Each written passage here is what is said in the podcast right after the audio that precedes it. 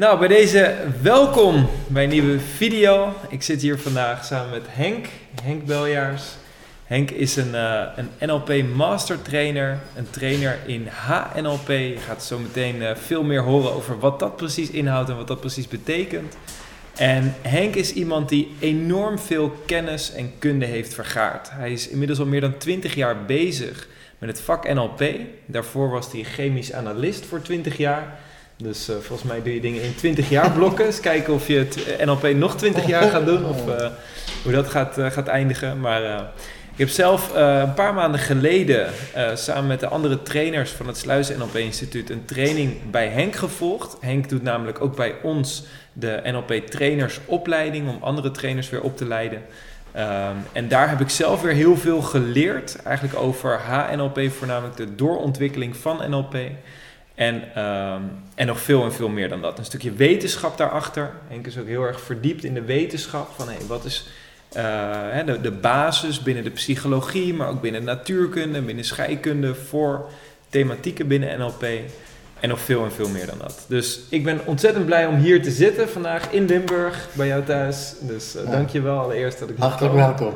Dank Leuk dat je de moeite doet om uh, hier naartoe te komen. Ja, zeker weten. Zeker weten. Ik, uh, ik, heb er alle vertrouwen in dat het het waard is om, uh, om speciaal hiervoor naar Limburg misschien, te rijden. Misschien dus, moet je wel twee video's maken, dat je hem opknipt in twee stukken. We gaan het zien. Dat, dat gaan we vanzelf merken, absoluut. Zeker. absoluut. Zeker. Leuk. Yes. Henk, allereerst, ik ben wel eventjes gewoon nieuwsgierig. Mm -hmm. Je woont hier natuurlijk samen met, uh, met Carla. En jullie zijn allebei NLP-trainers of HNLP-trainers. Ja. Uh, jullie hebben ook hier thuis uh, de trainingsruimte. Praten jullie nog wel eens over iets anders dan, dan NLP? of, ja, geloof me, wij zijn een heel gewoon, een heel gewoon stel. De, ja, de dagdagelijkse zaken zijn net zo belangrijk als wat er op... ja. Ja, luister, het, het ligt er ook aan. Soms vallen er zaken voor in een training. Ja, die worden dan wel op hoog niveau uh, besproken. Ja. Maar ja, de rest van de week gaat het echt gewoon... Uh, ja, precies. Ook, ook de koetjes en de kalfjes. Alright, alright. Dus het is ja. niet... geloof me, we staan niet altijd aan. Dat zou ook niet goed zijn. Nee, precies, precies. Zeker. En ook, uh, jullie, hoe, hoe was dat met de opvoeding van jullie kinderen? Nou ja, mijn kinderen... Ik ben nu 20 jaar met NLP bezig. Mijn kinderen ja. zijn... 31 en 32, dus we waren een jaar of, ja, dus we waren een jaar of tien toen we daarmee begonnen. Ja. Nou ja, binnen no, time, binnen no time zeggen kinderen dan, pap, geen NLP! Ja, ja, ja, ja, precies. dat leer je dan ook weer meteen af. Ja, ja. En dan blijkt, wordt het dan wel veel natuurlijker. Ja, dus dat is, precies. Dat is prima. Ik bedoel, het, het toepassen is prima. Mm. Uh. Maar om dat te, te pas en te onpas toe te passen en denk van, oh, ik heb er nu weer een techniekje voor. Ja, precies. Dat maakt het niet natuurlijk.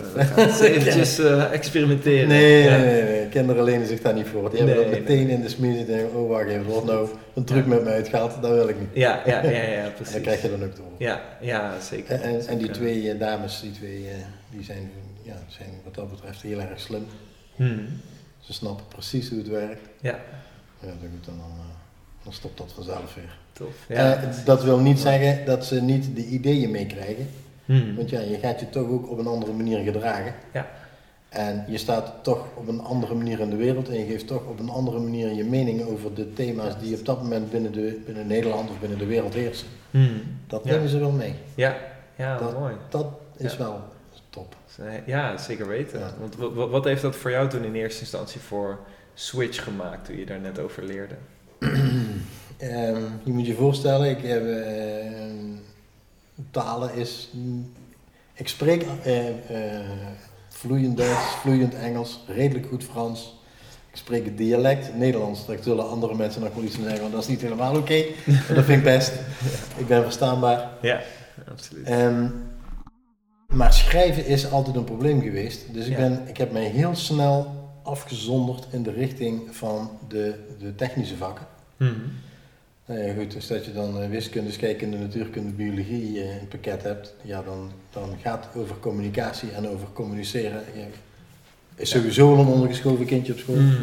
Ja, absoluut. maar al zeker niet binnen de exacte vakken. Mhm. Dan kom je daarna in een vervolgopleiding, dat gaat ook alleen maar over exacte vakken. Dan kom je daarna, eh, tenminste dat heb ik gedaan, nog een keer in een opleiding, dan gaat het ook alleen nog maar over exacte vakken. En dan word je in een laboratorium gedropt. Ja, en dan moet je in één keer gaan communiceren. En dat is niet handig, dat is niet makkelijk. Ja, nee, precies. Kijk, en dan is het een beetje afhankelijk van wat je van thuis uit meekrijgt. Hmm. Uh, ik kom uit een ondernemersgezin. Ja, er werd s'avonds niet gepraat, er, was, er werd lol gemaakt en we hadden plezier met z'n allen. En soms, uh, daar was mijn vader het er niet mee eens en dat was degene die knoerhard gewerkt heeft om het bedrijf uh, hmm. op te zetten en te maken voor wat het geworden is. Ja. Dus ja, voor emoties en voor andere zaken en voor hoe, wat vind je ervan en wat vind jij ervan en hoe zouden we dat kunnen oplossen en dat soort vragen, die waren niet aanwezig. Nee, precies. Ja goed, dan sta je zelf in de wereld en dan, ja, op het moment dat je dan in een leidinggevende rol terechtkomt of met veel met mensen te maken krijgt, mm. dan krijg je feitelijk ook te maken met heel veel verschillende meningen en wat ga je daar dan mee doen? Juist. Dan wordt het anders. Precies. Dus ja, zo'n ziekenhuis, dat is uh, een priklaboratorium. Daar komen elke dag, uh, ja, toen, een 100, 150, ergens tussen de 100 en de 150 mensen. Mm. En ze zijn allemaal anders. Ze, ze Mm. hebben allemaal een eigen shit. Ze hebben allemaal een eigen problematiek. Ze hebben allemaal een eigen manier van communiceren. Ze hebben allemaal een eigen manier van vertellen waar ze mee zitten, of niet. Mm. En dat heb je dus in een ziekenhuis ook. Want ja, dan heb je en de patiënten. En vergeet dan de artsen en de verpleegkundigen niet. Want ja, die hebben ook hun zorgen en hun problemen en hun toestanden. En die willen ook iets voor elkaar krijgen van jou. Ja, goed. Genoeg gelegenheid op NLP toe te passen. Als ik het zo, eh, Ja. ja. Ja, dat kun je wel stellen. absoluut. Ja, Dus soms kun je wel eh, met een interessante vraag mensen toch weer net anders laten denken. Dat, zeker. dat vind ik dan wel leuk. Ja, zeker Dus weten. ja, het heeft voor mij wel heel veel betekend om dat te gaan doen. Zeker in, de, Mhm. In mijn leidinggevende functie die ik eh, Ja, van die 20 jaar ook een jaar of 11, 12 schat ik in. Even in die historie graven. Ja. Heb ik dat ook nog gedaan. Maar ja, Ja, dan, dat helpt wel degelijk. ja, precies. Dat lijkt me heel relevant. Wat, wat waren toen de dingen waar je het meest, eh, die het meest relevant waren, die het meest toepaste als leidinggevende? Eh, vragen stellen, waardoor dat je niet alleen in de gaten had wat er technisch het moeilijk was, of waar een analist in de procedure tegenaan loopt, Mhm. maar ook hoe sta je erin. Kijk, in een, in een goede gemoedstoestand zijn problemen heel anders dan in een minder goede gemoedstoestand. Absoluut. Als je dan onder druk staat van een ziekenhuis en je bent alleen en je kunt niks navragen, dan is maar de vraag hoe een analist daarmee omgaat. Ik weet niet of ze dat nu nog doen hoor. Toen was het in ieder geval door dat je een- s'nachts was je een week lang s'nachts alleen. Mhm. Dat was het. Juist. Maar ja, dan heb Ja. je geen vraagbaak, je kunt nergens maar je moet voor, voor 100% vertrouwen op jezelf en op je, Mhm. je eigen kennis en kunde. Maar ja, dan wordt soms de druk hoog. Ja, hoe reageer je dan? En dan, als je daar dan een achterwacht voor bent, Mhm. dat hebben we toen eh, met mijn toenmalige leidinggevende hebben we dat ingesteld. Ja, dan krijg je een achterwacht. En in die achterwacht kun je dus wel vragen stellen. Maar dan komt dan ook bij, hoe sta je erin? Precies. Helpt het? Ja. Heb je ondersteuning nodig? Ja. En dan had ik heel vaak dat ze dan inderdaad zei, ik heb het eh, eigenlijk net te druk. Mhm. Ik, ik heb nu niet meer het overzicht om het goed te doen. Juist. Ja, dan ging je even helpen. Precies. Dan, dan stap je in de auto en dan rij je 10 kilometer. En dan was je daar. En dan, maar ja, goed, om dat in te schatten, Mhm. ja, dat is wel fijn als dat, je, dat ik dat Ja. geleerd heb. Ja, dus echt het kunnen inschatten van hoe staan ze erin, hebben ze echt iets van me nodig of wordt er misschien mooi weer gespeeld terwijl ze eigenlijk niet langer door kunnen. Dat. Die, Ja. Ja, Dat is wel een hele belangrijke die. precies. En, en heel vaak le- leggen ze het dan wel bij de kennis en de kunde neer. Mhm. M- Maar die mensen zijn allemaal goed opgeleid. Die hebben allemaal Mhm. dezelfde type opleiding achter de rug. Juist. En alleen die lopen af en toe vast. Ja, daar, daar moet je ook voor hebben. Precies. Ja. Ja, zeker. En dat had ik toen. Dus dat heeft Mooi. me wel flink geholpen. Dat kan ik me helemaal voorstellen. Ja. ja. super. Gaaf. Ja. En ehm, de afgelopen jaren hou je natuurlijk ook heel veel bezig met HNLP. Eigenlijk eh, een, een vorm van de doorstroming of de doorontwikkeling eigenlijk van, eh, van NLP. Ja. Eh, waar staat HNLP voor? Laten we daarmee beginnen. HNLP staat voor Humanistic Neuro-Linguistic Psychology. Yes. Ehm John, John Overdurf. John Overdurf Ja. en Julie Silverthorne, die hebben zich daar druk over gemaakt. Ehm, je moet je voorstellen, we praten dan over de jaren 80. Iets, zeg maar midden 80. Hmm. Eh, Bendler en Gwindler zijn feitelijk met die club eh, studiegenoten zijn ze klaar met de eerste basis van wat, en, wat dan NLP eh, is. Ja.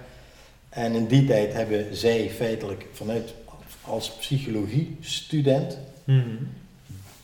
Bedacht, weet je wat, dit zijn interessante technieken om te gaan gebruiken binnen de psychologie. Mhm. Zij, zij zijn, eh, zowel eh, Julie als John zijn ehm, haan, of, eh, humanistisch psycholoog. Ja.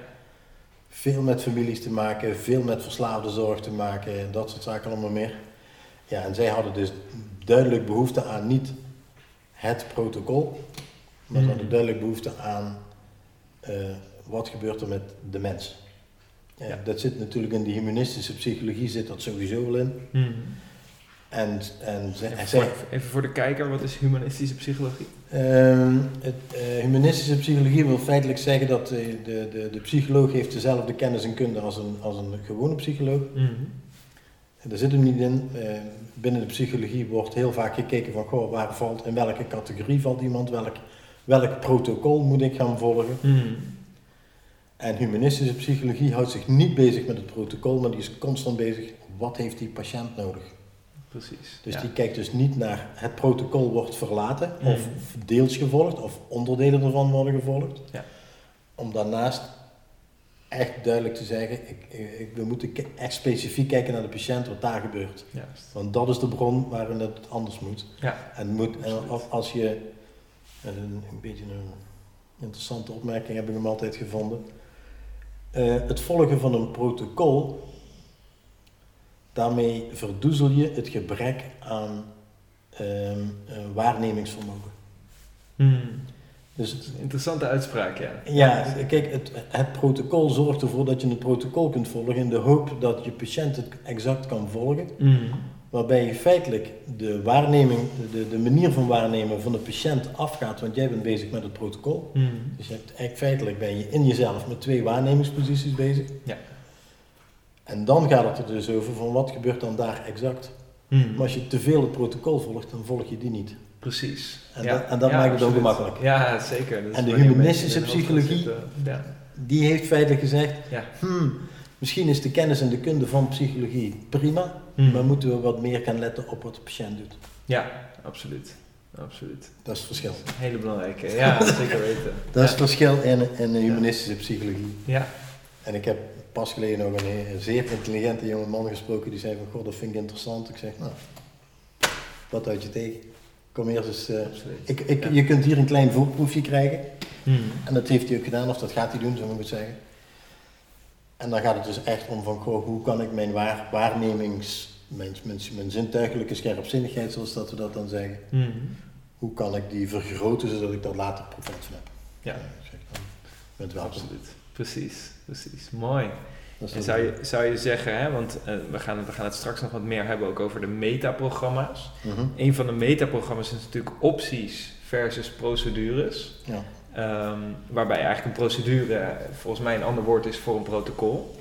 Ehm, en eigenlijk hè, dat metaprogramma impliceert dan een beetje van oké, sommige mensen hebben de, de voorkeur voor procedures.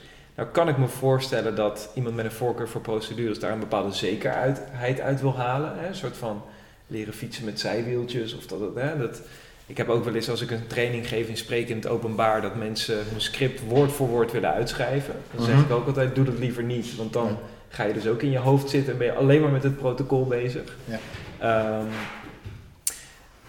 maar mijn vraag is, zeg je, eh, het is eigenlijk altijd gunstiger om, bij, of, om voor, meer voor opties te kiezen? Of zijn er ook situaties waarin je zegt, nou dan zou ik toch meer aan het protocol vasthouden?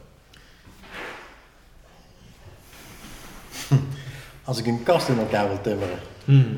of ik moet een IKEA-handleiding volgen, is, het- is procedure fantastisch. Ja, heel waardevol, zeker. Heel Ja. waardevol. Ja. Als ik met mensen om moet gaan, Hmm. dan is dat zo divers Ja. en vaak zo verrassend dat, een, dat ik geen protocol kan vinden Hmm. wat wel op een deel van de mensen valt, maar nooit exact past op datgene wat ik op dat moment nodig heb. Hmm. Past dat dan precies bij procedures en bij opties? Ehm, ik denk dat eh, eh, procedures, het, het grote voordeel van een goede procedure hebben is, is super veilig. Mhm. Dus het geeft je feitelijk Ja. de veiligheid. Ja. Oh, wacht even. Ik heb dit geleerd. Ik snap dit. Ik weet wat er gebeurt. Precies. Stap A, stap, stap B. A, stap B. Ja. Dat doe ik in die volgorde. en Weet ik dan wel meer. Ja.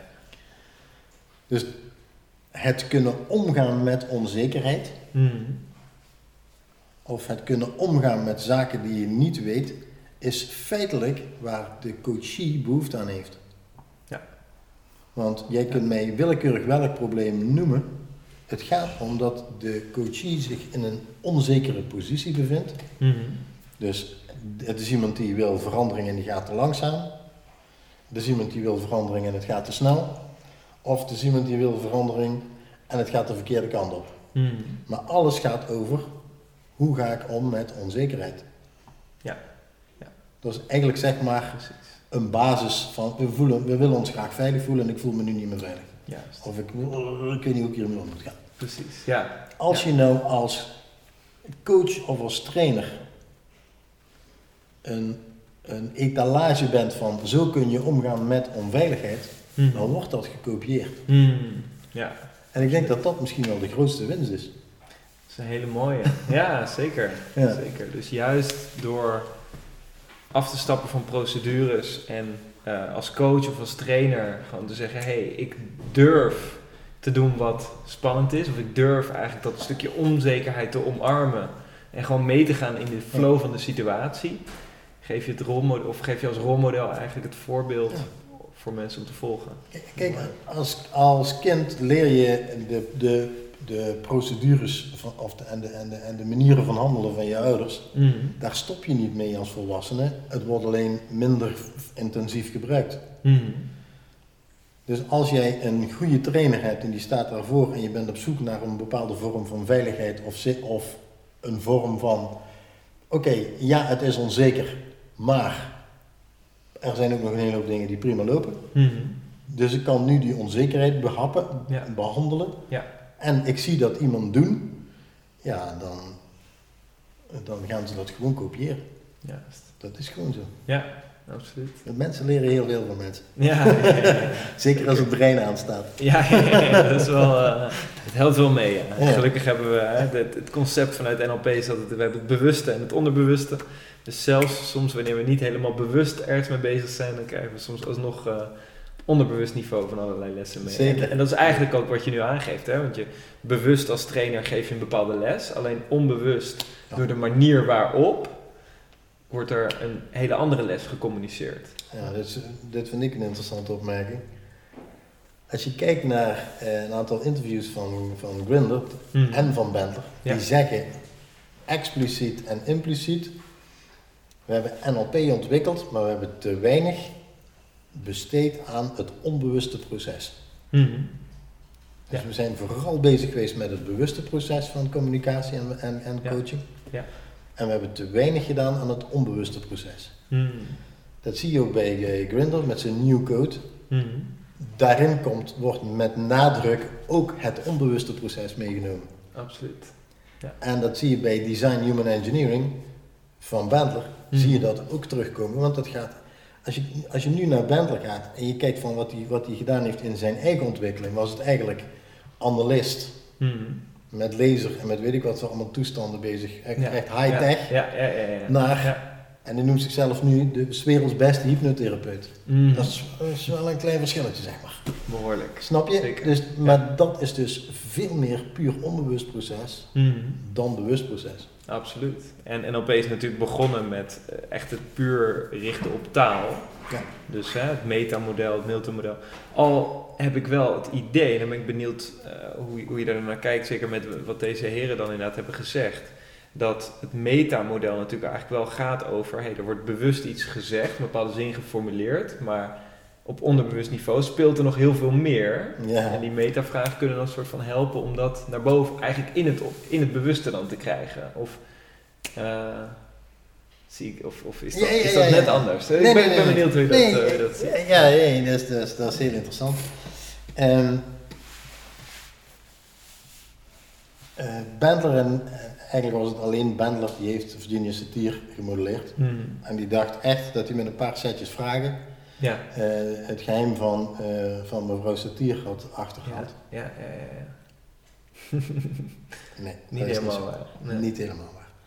Natuurlijk blijft, natuurlijk blijft dat hele model wel eh, een fantastisch model, want je krijgt eh, vragen om mensen uit te dagen om het anders te bezien. En, en redelijk confronterend ook nog. Mhm. Dus Absoluut. Het, het rammelt Ja. wel aan de wereld, we het even Ja. zo zeggen. Ja, zeker. Maar mevrouw Satir heeft zo verschrikkelijk veel meer gedaan, Mhm. dat dat hele metamodel, zoals dat, dat dan in, in, eh, in NLP noemen,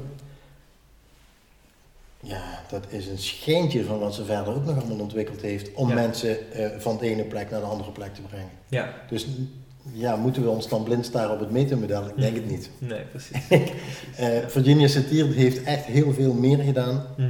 dan eh, het metamodel en de satiercategorieën. Want dat Ja. is wat in NLP overeind is gebleven. NLP, precies. Eh, meneer Ja. Deels heeft een communicatiemodel gemaakt. Mhm. Mijn persoonlijke mening is, is dat het communicatiemodel van mevrouw Satir Mhm. minstens net zo goed, misschien wel beter is en meer aansluit op de emotionele kant van mensen dan wat meneer Deels heeft gemaakt. Mhm. Dus ja, dat is wel anders. Absoluut. Ja, zeker. Dat is- ja. Dus ja, eh, die vrouw heeft, eh, als je kijkt naar transactionele analyse, Mhm. zij was al lang bezig met transactionele analyse. Mhm. We hebben daar een aparte wetenschap van gemaakt, of Ja, ja, ja. onderdeel van gemaakt. Ja. Maar in de, in de boeken van, van mevrouw Satir, dat wordt meteen uitgelegd. Drie mensen bij elkaar, wat zijn de rollen van die mensen? Ja, precies. Eh, de dramadriehoek komt van Mm. haar af. Oké. Ehm, Ja. ja, zo kun je... Dat is dus eigenlijk gewoon nooit echt erkend, of in ieder geval Nee, niet, nee, nee, niet nee, vanuit die hoek. Ja. Nee, niet vanuit die hoek. Ja. Eh, als je kijkt naar eh, weet ik weer, familieopstellingen. Mhm. Bert Hellinger en mevrouw Satir kenden elkaar heel goed. ja, ja. Mevrouw Satir wist precies wat er gebeurde in, die, in de opstellingen waarin. Bert gevraagd heeft van wat moet ik hiermee? Ja, precies. Dus die, kenden elkaar, die twee die kenden elkaar eh, intensief. Fascinerend, ja. ja. dus als je gaat kijken naar, als je de boeken leest van eh, mevrouw Satir, Mhm. dan zie je dat Bender en Grinder een hele hoop onbewust proces gemist hebben en Mhm. zich dus duidelijk toen focusten op het bewuste proces. Ja. ja. En vandaag het metamodel. Mhm. Maar al het onbewuste proces wat die dame ook deed, Ja. dat hebben ze allemaal aan de kant gezet. Allemaal weggelaten. Dat ja, hebben ze allemaal, precies. Check. Ja. Niet belangrijk. Niet, wij Ja. zijn met, eh, wij zijn, het is hardcore business, hè? denk daar goed Mhm. aan. Ik, het, gaat, het gaat in die tijd, toen zij begonnen, Ja. ging het over business doen en succesvol zijn. Mhm. Ja. Dat je daar ook mensen mee kan helpen die ziek, zwak, misselijk of ongelukkig zijn, ja, Ja. daar waren zij helemaal niet mee bezig. Niet de focus. Nee, nee, nee, absoluut niet. Precies. Ja, ja, check. Ja, want ze begonnen natuurlijk vanuit eh, de universiteit in eh, Ja. Santa Cruz, California. Maar ze hadden dus toch ook wel zo'n sterke business focus. Ik, kreeg- ik keek op een gegeven moment wat video's van Robert Dilts. Toen kreeg ik het idee dat het wel een hele academische insteek ook had.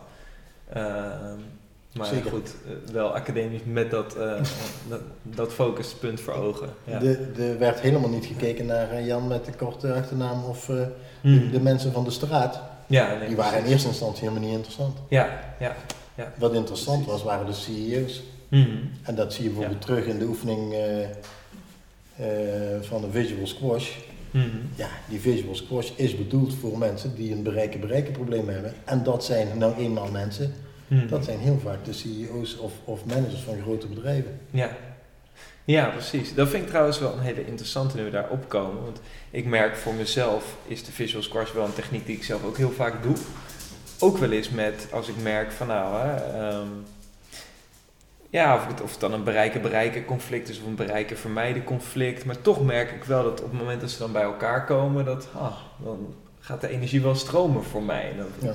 voelt Hoe- hoe lang? dat, eh, hoe lang? Ja, dat is, dat is een goede vraag. Dat is, Ja. eh, ehm, ja, dat is een goede vraag. Het verschilt per keer. Dat is, eh, ja, Dat klopt. ja, ja, precies. Ja. Nou, dat is natuurlijk altijd wel het interessante. Dat inderdaad op het moment zelf kan iets heel intens voelen. Mhm. Ehm, maar de vraag is, Wat doet het op de lange termijn? wat doet het op lange termijn? Precies. En wanneer heeft het echt een sustainable effect? Soms dan is het natuurlijk van, oké, boom. En dan verandert er ook echt iets. En soms is het wauw. En dan de volgende dag... eh, Ja, het, is- het, het is ook, Ja. het is ook heel vaak is het een one-hit call. Mhm. Dus met andere woorden, is het één keer schieten. Mhm. Eh, of is het complexity? Hmm. Kijk, als je kijkt naar, Ja. naar ehm, ehm, wat een coachie vaak helpt, is dat hij op verschillende manieren, dus op, in, een, in een netwerk zit van manieren om bij zijn juiste gemoedstoestand terecht te komen. Hmm. Als ik iemand één keer de weg wijs naar een gemo- goede gemoedstoestand, en dat is maar één weg, en dat is maar één keer, dan kan Mhm. het zijn dat hij in het normale leven net die ene weg niet vindt. Precies. Dus Ja. dan mis je de complexiteit wat je dan eigenlijk ook nodig hebt. Dus Absoluut. dat is wat ik bedoel met het is een one-hit call. Ja, ja, en in dat opzicht is de kunst dan dus eigenlijk om gewoon zoveel mogelijk opties te hebben om Ja. Een goede gemoedstoestand te krijgen. Ja, Of, of de gemoedstoestand die past bij de taak die je wil gaan doen. Ja, ja. Ja, en, en dat is een beetje à la Bentler. Mhm. Bentler is natuurlijk een, eh, een polariserend iemand. Dus Hmm. of goed of niet goed. En als jij zegt dat het niet goed is, dan gaat hij bewijzen dat het wel goed is. En als het wel goed is, dan gaat hij bewijzen dat het niet goed is. Ja, ja. Dus Ja. die- in die man zit gewoon die polarisatie in. Dat, Hmm. kunnen we, dat kun kan iedereen zien. Ja. Dus voor hem, in zijn optiek, is die one-hit call gigantisch belangrijk. Hmm. Maar hij heeft wel ook de motivatie en de houding om er dan ook iets mee te doen en om dat vol, te houden. Eigenlijk gewoon net zo lang dat ene ding blijven doen totdat het werkt. Dat is een beetje het idee dan. Ja, en helaas zijn wij andere stervelingen, ja. we hebben daar wat meer moeite mee. Mhm. En daarom zeg ik ook dat net voor, voor de gewone mens, om het zo maar te zeggen, die niet die, ik bedoel, tussen de gewone mensen zitten ook mensen die heel polariserend eh, kunnen denken. Mhm. Maar het waar het om gaat is, is de gewone mens, dat is niet een manier van een gewone mens. De gewone Hmm. mens leeft zijn leven en wil een goede gemoedstoestand Ja. bij een bepaalde taak. En heeft verschillende manieren nodig om daar te komen. Ja. Daar gaat het feitelijk om. Precies. En als coach, om, om mensen dan die verschillende manieren mee te geven, eh, kan je een voorbeeld geven van hoe je dat aanpakt in, in zo'n sessie? Dat je mensen echt verschillende opties geeft. Zeker. Ehm, als ik één goede vak, als ik nu één goede eh, manier aanreik, dan heb ik één faculteit mogelijkheden. Mhm. Dat is één. Ja.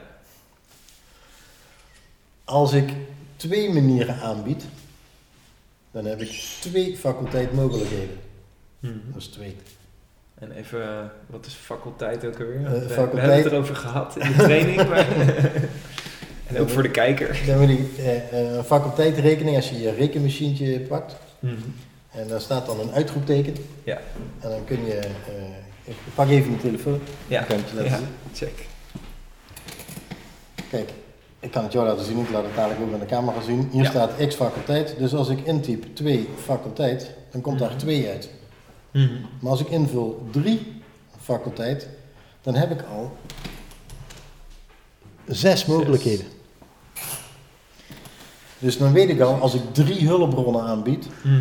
dan heeft de cliënt zes mogelijkheden Ja. om bij een goede eh, Ja. gemoedstoestand uit te komen. Want die faculteit, dat zijn de combinaties die gemaakt kunnen worden, toch? Ja, dat dus is- eh, je kan. 1 en 2 doen, of je kan 1 en 3 doen, of je kan 2 en 3 doen. Ja, je hebt dus zes verschillende mogelijkheden die je naar een goed resultaat leveren. precies. Dan vind ik drie nog wat weinig, dus ik ga meestal uit van vier faculteit. Mhm. Dan zit ik al op 24 mogelijkheden. Juist. Of vijf faculteit, en dan zit ik al op 120 mogelijkheden. Dus dat gaat gigantisch snel omhoog. Precies. Ja. Dus als ik nou, zeg maar, hulpbronnen wil aanbieden hoe iemand naar zijn oplossing komt, Mhm. dan zit ik ergens tussen de vier en de vijf. Ja. Dat is- als het gemakkelijk is, worden het er zes. Mhm. Ja, wie, wie weet wat zes faculteit is? Dat is een gigantische vraag. Zijn 720 mogelijkheden. ja, precies. Het gaat zo hard omhoog. Ja. Ja, dus ik, de one-stop, de, de, de one, het, het, het, het ene doel, nu- we gaan nu van de ene plek naar de andere plek, Ja. biedt in het werkelijke leven te weinig mogelijkheden. Mhm. Want dan, ja, dan is het net niet dat, of net niet zus, of net Ja. niet zo. En dan gaan mensen daar dus wat anders van maken. Precies. Dus, dus stel je voor, iemand komt bij je en die zegt van nou, ik, wil, ik heb straks een presentatie te geven. Ik voel me nu heel zenuwachtig voor die presentatie. En ik wil met een goed gevoel, kracht en zelfvertrouwen daar op het podium staan. Mhm. Hoe ik hem dan eventjes voor me zie is, hè, nou, je kan één optie geven en dan zeggen van nou, eh, maak even je power move en je power pose en dan ben je klaar om te gaan. Ja. Misschien werkt dat niet voor iemand, nou dan zeg je oké, dus een tweede optie, zet een lekker muziekje op wat je goed laat voelen. Ja. Of een derde optie, een nieuw behavior generator, zie je voor je dat het, dat het goed gaat. Ja. Vierde optie. En dan uiteindelijk kun je ook aangeven van hé, hey, je kan deze ook te combineren. Je kan dingen tegelijkertijd doen of met elkaar doen. Is dat een beetje de gedachte waar we De- dan de- in zitten? Ja, en jij kiest nu vier verschillende oefeningen en ik hou dat bij één Ja. manier. Mhm. Ankerpunten of gemoedstoestanden of eh, whatever. Mhm. Die je dan ook weer kunt combineren. Dus je, krijgt, je, je, moet, je moet er feitelijk vanuit gaan dat iemand vier verschillende manieren, ik kies daarvoor, Mhm. vier verschillende manieren heeft waarin dat hij zijn, zijn, eh, in, Ja. de, in de juiste gemoedstoestand komt om zijn ding te doen. Ja, Als je dat doet, dan weet je Ja. zeker, dit, dit heeft door zijn complexiteit van mogelijkheden, Mhm. kan een, een coachie daar langer mee vooruit. ja. En als, je, en als je dus zegt, oké, dus ik kies één ankerpunt om dat op meerdere manieren te doen. Ja. Eh, hoe bedoel je dat precies? Ehm, we hebben al, we hebben, jij hebt verschillende, eh, net als ik, Mhm. verschillende manieren om jezelf lekker in je vel te voelen. Absoluut, ja. De rol van Bentler in zijn pol- gepolariseerde eh, kijk op de wereld, Mhm. ehm, die zegt hij, ik wil nu een ultieme gemoedstoestand hebben die dat, die shit daar oplost. Mhm. Oké, dat is een mogelijkheid. Ja. Wat je ook kunt doen is, ik kan minder explosief, Mhm. maar ik kan wel zes andere ankers maken Mhm. die datzelfde veroorzaken, Ja. maar die het ook nog complexer maken, waardoor dat iemand veel gemakkelijker een keten van ankers kan oproepen Mhm. in een willekeurig welke volgorde, Ja, waardoor iemand altijd zijn einddoel bereikt of zijn gemoedstoestand bereikt. precies. Dat is meer mijn manier van denken. Dus in dat opzicht zou je zeggen, in plaats van dat je bijvoorbeeld een gestapeld anker maakt met liefde, kracht, humor, zelfvertrouwen, noem het maar op, zou je bijvoorbeeld verschillende, en ik doe dan nu even het kinesthetische anker, we gaan het straks misschien ook nog hebben over de verschillende ankers, en dat is ook Ja. een hele interessante. Ja. Ehm, maar dat is even voor het gemak, zou je zeggen van, hey, in plaats daarvan eh, koppel gewoon verschillende ankers, eh, eentje voor liefde, eentje voor zelfvertrouwen, eentje voor humor, en je hebt verschillende manieren om die ankers op te wekken. Ja. Waardoor je gewoon een heel, hele zee aan mogelijkheden hebt van wat je kan doen op dat moment. Zeker. Precies. En die zee die maakt ervoor dat het misschien niet ultiem is, Hmm. maar als je die wel aan elkaar koppelt, Ja, dan worden dat eigenlijk afzonderlijke ketens. En Ja. afhankelijk van wat die persoon meemaakt, gaat hij dus wel zijn weg vinden. precies. En volgens mij is een pri- principe in psychologie is hè, neurons that, that fire together, wire together. Dus wanneer twee gemoedstoestanden tegelijkertijd gebeuren, dan gaan ze op een gegeven moment vanzelf koppelen. Dat is ook eigenlijk de essentie van een anker. Ja, zeker. Ehm, dus wanneer je meerdere ankers zet en die constant dagelijks kan gebruiken, dan op een gegeven moment dan vindt je brein ook gewoon de paden om die gunstige... eh, Ja, dan heeft, dan heeft een Ja. eh, one-shot eh, Hmm. minder kans. ja, ja, precies. De- die moet je Ja. dan toch wel elke keer weer opnieuw precies hetzelfde oproepen, wil je hetzelfde voor elkaar krijgen. Precies, En ja. het is wat ja. minder menselijk. Ja, Dus Ja, de- normale mens, de neurologie Ja. van de mens zit niet zo in elkaar. absoluut. Ja, want een van de dingen die je ook aangaf tijdens de training is dat je zei... ehm, het menselijk brein eh, verandert het makkelijkst stap voor stap. In Ja. kleine stapjes. Ja. Dus eh, we willen vaak, en dat, dat, dat zie ik nog steeds heel veel tijdens, de, tijdens een NLP-opleiding of tijdens andere trainingen die ik geef, dat mensen soms een beetje op zoek zijn naar dat ene moment van die ultieme verandering. Maar Oké, in deze meditatie, dan hoop ik dat ik eindelijk echt van het probleem af ben. En dan willen ze het ook in een half uur gefixt hebben. En met sommige technieken, zoals een fastfobia, merk je soms ook dat iemand inderdaad in één keer van zo'n fobie verlost kan zijn. Ehm, alleen het is eigenlijk niet de meest natuurlijke en snelle, of nou ja, misschien wel snel, maar het is niet de meest natuurlijke manier voor het brein om te veranderen. Ja. Dat gaat veel meer stap voor stap. Ja. ja. De, de, de grootste shit die je over jezelf kunt uitroepen is eh, een heel groot doel stellen en onmiddellijk willen halen. Mhm. Precies. Dat is, het, eh, dat is hetzelfde als een ladder opklimmen van drie meter met eh, één sport op de vloer, eentje op anderhalf meter en eentje op drie meter. Juist. Succes. springen. ja, ja. Ja, De- ehm, absoluut. een ladder heeft sporten van ergens tussen de 25 en de 30 centimeter uit elkaar. En dat heeft een reden. Mhm. Absoluut. Dus die kleine stap omhoog in de richting van, Mhm. in plaats van dat ultieme doel daar. Juist. Ik heb veel liever dat mensen zich richten op eh, het gevoel wat ze krijgen bij dat ultieme doel. Mhm. En feitelijk in de kleine stappen checken Ja. of dat ze dat gevoel hebben, ja of nee. Want als ze Ja. dat gevoel niet meer hebben, Mhm. dan klopt de stap niet. Precies. Dan moet je terug, dan moet je je stap kleiner maken. Ja. En het heeft twee voordelen. Mhm. In de eerste plaats weet je, ik ben nog steeds onderweg in de juiste richting. Dat is fijn, die bevestiging is fijn. Absoluut. Het zorgt er ook voor dat je een dopamine release krijgt in je hersenen. Want elke keer als je bij jezelf checkt van, oh, ik ben nog op de goede weg. Nice. Goed gedaan, goed gedaan Jochie. Goed, gedaan Jochie. Absoluut. Krijg je ook je dopamine release. Mhm. Dat is ook fijn. En wat ook fijn is, is dat de kleinste kleine stap en de kleine volgende stap die je maakt, gaan waarschijnlijk ook succesvol zijn. Mhm. Dat roept wederom een dopamine op, Ja, maar het geeft ook een positieve bekrachtiging van je eigen kunde, kennis en kunde. precies. En daarmee stijgt je eigenwaarde, waardoor dat die ook nog een Ja. keer een boost krijgt. Absoluut. Waardoor er ook weer meer Zit- motivatie Er ontstaat. zitten veel voordelen aan kleine stapjes. Ja, zeker. zeker. Ja, absoluut. Wat denk je dat maakt dat mensen toch vaak geneigd zijn om zo'n hele grote stap te willen zetten? Ja. Korte antwoord, totale overschatting. Ja. Ja. Eh, op het moment dat we niks weten, denken we dat we als we drie regels gelezen hebben, alles weten. Mhm. Op het moment dat we 80 boeken hebben gelezen over één onderwerp, Mhm. dan denken, dat we nog nauw, dan denken we dat we nauwelijks wat weten, omdat er heel veel mensen zijn die veel meer weten. Absoluut. Ja. Dus dat verschil, Mhm. dat is wel. ja. Ja, Komt, komt mooi overeen met die uitspraak van de meeste mensen overschatten wat ze in een jaar kunnen doen en onderschatten wat ze in tien jaar kunnen doen. Ja. Dat is misschien een beetje hetzelfde met die boeken. hetzelfde idee. Ja, Ja, eh, overschatting is denk, denk ik een van de grootste problemen. ja precies. Ja. Ik ben ook niet zo voor doelen stellen. Mhm. ja. Ik vind experimenten aangaan en kijken wat leuk is, vind ik, vind ik heel charmant. Eh, ergens, eh, ergens ook een hele mooie. Ja. Ja. ja, En ik- stel altijd, eh, Ja. dat, zeggen ze wel, Schots NLP gaat over doelen stellen en dan denk ik, oh jezus, weer zo'n groep. Ja. Dan zeg ik, jeeuw. Ja. En dan, en dan zeg ik, ja maar wil je daar een voorbeeld van? Mhm. Dan zeggen ze, ja daar wil ik graag een voorbeeld van. Ik zeg, goed, hoeveel doelen heb jij gehaald zonder dat je daar vooraf een doel voor gesteld hebt? Heb je dat ooit meegemaakt? Ja, eh, regelmatig. Ik zeg. Ja. Ik Kan, zeg, kan je misschien geen doel noemen, maar dan is het wel een prestatie. ja, je hebt, je hebt iets voor elkaar Het is gewoon iets gekregen. moois waar je trots op bent, waar je dankbaar voor bent. Ja, precies. Ja. bedoel, als het een doel zou zijn, Ja. zou je, zou je, dat, zou je die Ja, kunnen kiezen. Dan, eh, precies, absoluut. Maar ni- Ja, ja. niet, eh, Dat is geen regels aan gebonden, geen eh, toestandjes mee gedaan, helemaal niks. Ik zeg, en heb jij wel eens een doel gesteld, volgens alle regelen van de kunst, Mhm. en niet gehaald? Mhm. En dan zeggen ze, ja, Bijna iedereen wel, denk dat ik. komt Ja. ook voor. Ja, zeg, ja. oké. Ik Zeg, dus nou, nou mag jij mij uitleggen wat het nut is van een doel stellen. Ik Zeg, dus of de regels zijn niet oké, Ja. of we moeten veel meer dichter bij onszelf staan en veel meer zorgen dat we in kleine onderdelen de dingen doen. Mhm. Maar wel in de gaten houden van, ben ik nog op de weg waarin dat Ja. ik mij goed voel.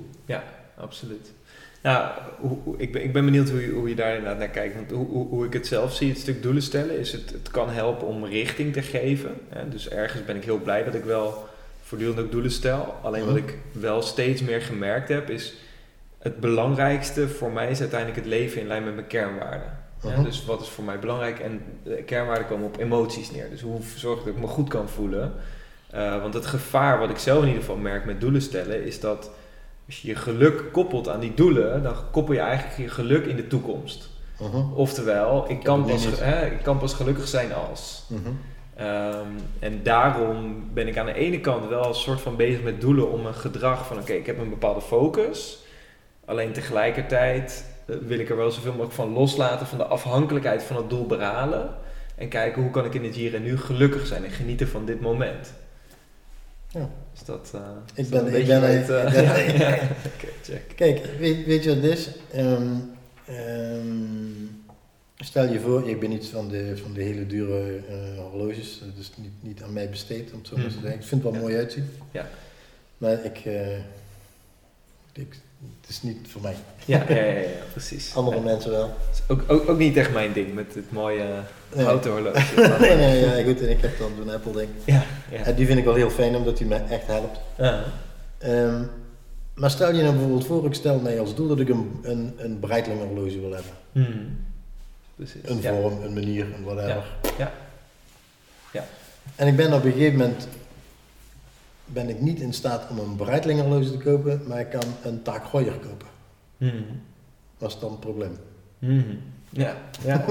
goeie vraag. Ja. Ja, dus Ja. we focussen ons te veel te veel. Ik, ik, dat, is, dat is ook zo'n zo'n modewoordje. Focussen, focussen. Ik denk, oké.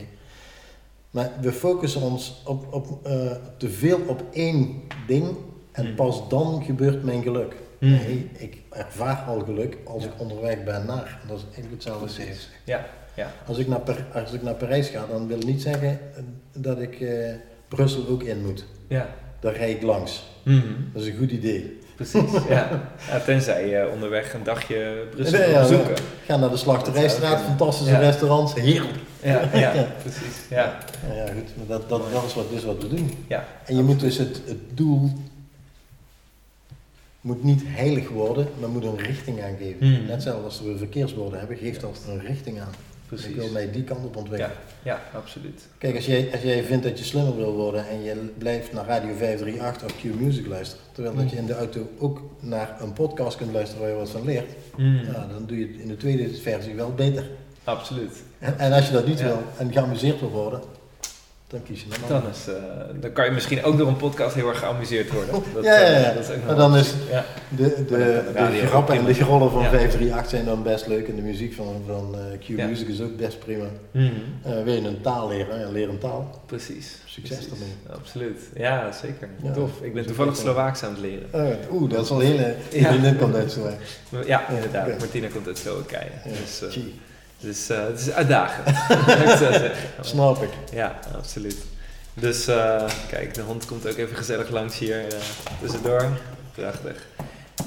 Metaprogramma's. Die meta Ik weet dat een van de dingen die in ieder geval voor jou ook heel belangrijk zijn, sowieso binnen NLP en- en binnen HNLP heel belangrijk zijn. Ik hoop dat Ja. de hond met zijn staart niet het statief omgooit. Dus Nee, nee, nee. Dit, dit is goed gegaan. Is goed alle, gegaan. alle, Ja. alle die je hoort hier en deze Ja. dingen, die komen echt van de hond af.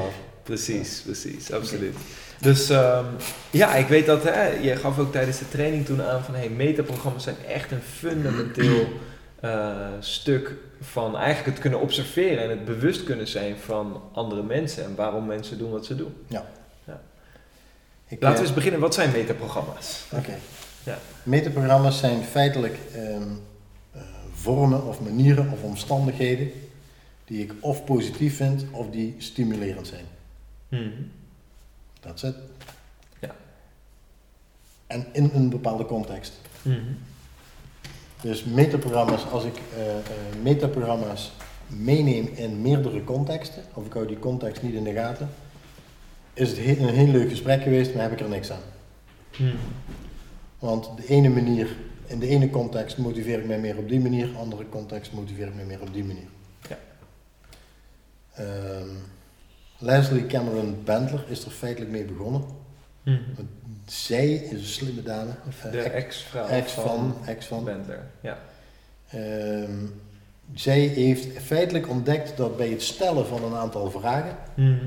je aan de structuur van het antwoord kunt horen of eh, wat de motivatie is bij de vraag. Mhm. Daar is het ontstaan. Ja.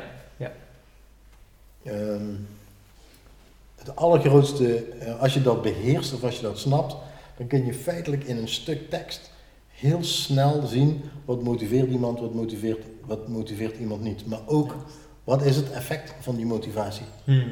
Kijk, als ik ehm, eh, procedure ben, maar ik ben van overzicht, Mhm. dan wil ik heel graag een procedure doen, maar ga ik hem precies uitvoeren? Ik denk het niet. Mhm. Snap je? Ja. Dus ik, dan, als ik dus die metaprogramma's ken, Mhm. kan ik ook iemand in een beroep plaatsen of een team vormen waarin ik weet, eh, die persoon is zo gemotiveerd, die persoon is zo gemotiveerd, die persoon is zo gemotiveerd en die zijn zo gemotiveerd. Ik heb dus een verschillende, verschillende type mensen Mhm. aan tafel zitten, Mhm. waarbij het effect van die, van die verschillende groep beter is dan allemaal dezelfde lui aan tafel zitten, want die zijn allemaal met Absoluut. elkaar eens. Absoluut. Dat is, dat is wel een drive. Het, Ja. het fijne wat ik vind van eh metaprogramma's, en dat is daarna pas gekomen, dus na Leslie, Mhm. eh, is dat metaprogramma's ook een hele duidelijke gedragscomponent heeft. Ja. En dat je dus feitelijk niet iemand hoeft te spreken of een vraag hoeft te stellen, maar dat je in de gedragingen van mensen al onmiddellijk kunt zien, dit gaat hem wel bevallen, dit gaat hem niet bevallen. Juist, precies. Ja, dus zij is begonnen met het herkennen in taal van bepaalde metaprogramma's. En later is dat ook in ander gedrag, zoals misschien lichaamstaal, stemgebruik, Ja. eigenlijk eh, naar Bij, voren gekomen. eh, die, die gooi ik er gewoon in. dan- Je, je ziet wat je ermee doet. Ik hoor nog steeds heel veel mensen dat als ik met mijn armen over elkaar zit, dat het in een gesloten houding is. Mhm. Nee. Ik heb last van mijn schouders of van mijn polsen. Mhm. Ik zit even zo gemakkelijk, ik vind dat Ja. prima. Ja. Dat verandert dat als jij mij informatie geeft, Mhm. en ik weet niet welke informatie het is, maar we zitten in een context en ik krijg wat informatie van jou en ik doe op basis van jouw informatie dit, Ja, ja, ja, ja. dan wil dat niet zeggen dat ik gesloten ben, maar dan wil dat feitelijk zeggen van, hmm, ik weet niet of ik het er mee eens ben, dan wil ik even met mezelf zijn. absoluut. Snap je? Ja. Als ik daarna meer informatie krijg van jou om het te verduidelijken op basis van, omdat ik mijn arm over elkaar doe en ik ga weer zo, Mhm. dan weet jij, Ja, ik heb die shit opgelost. precies, precies. Dus waar het in essentie om gaat, de verandering. Ja. De verandering van houding of de verandering van de manier van spreken. Ja. Dat is eigenlijk de indicatie van, oké, nu wordt er een metaprogramma aan of uitgezet. Ja. Ehm, terwijl als iemand inderdaad zo zit, of de schouders, ja, wie weet waar het aan kan liggen.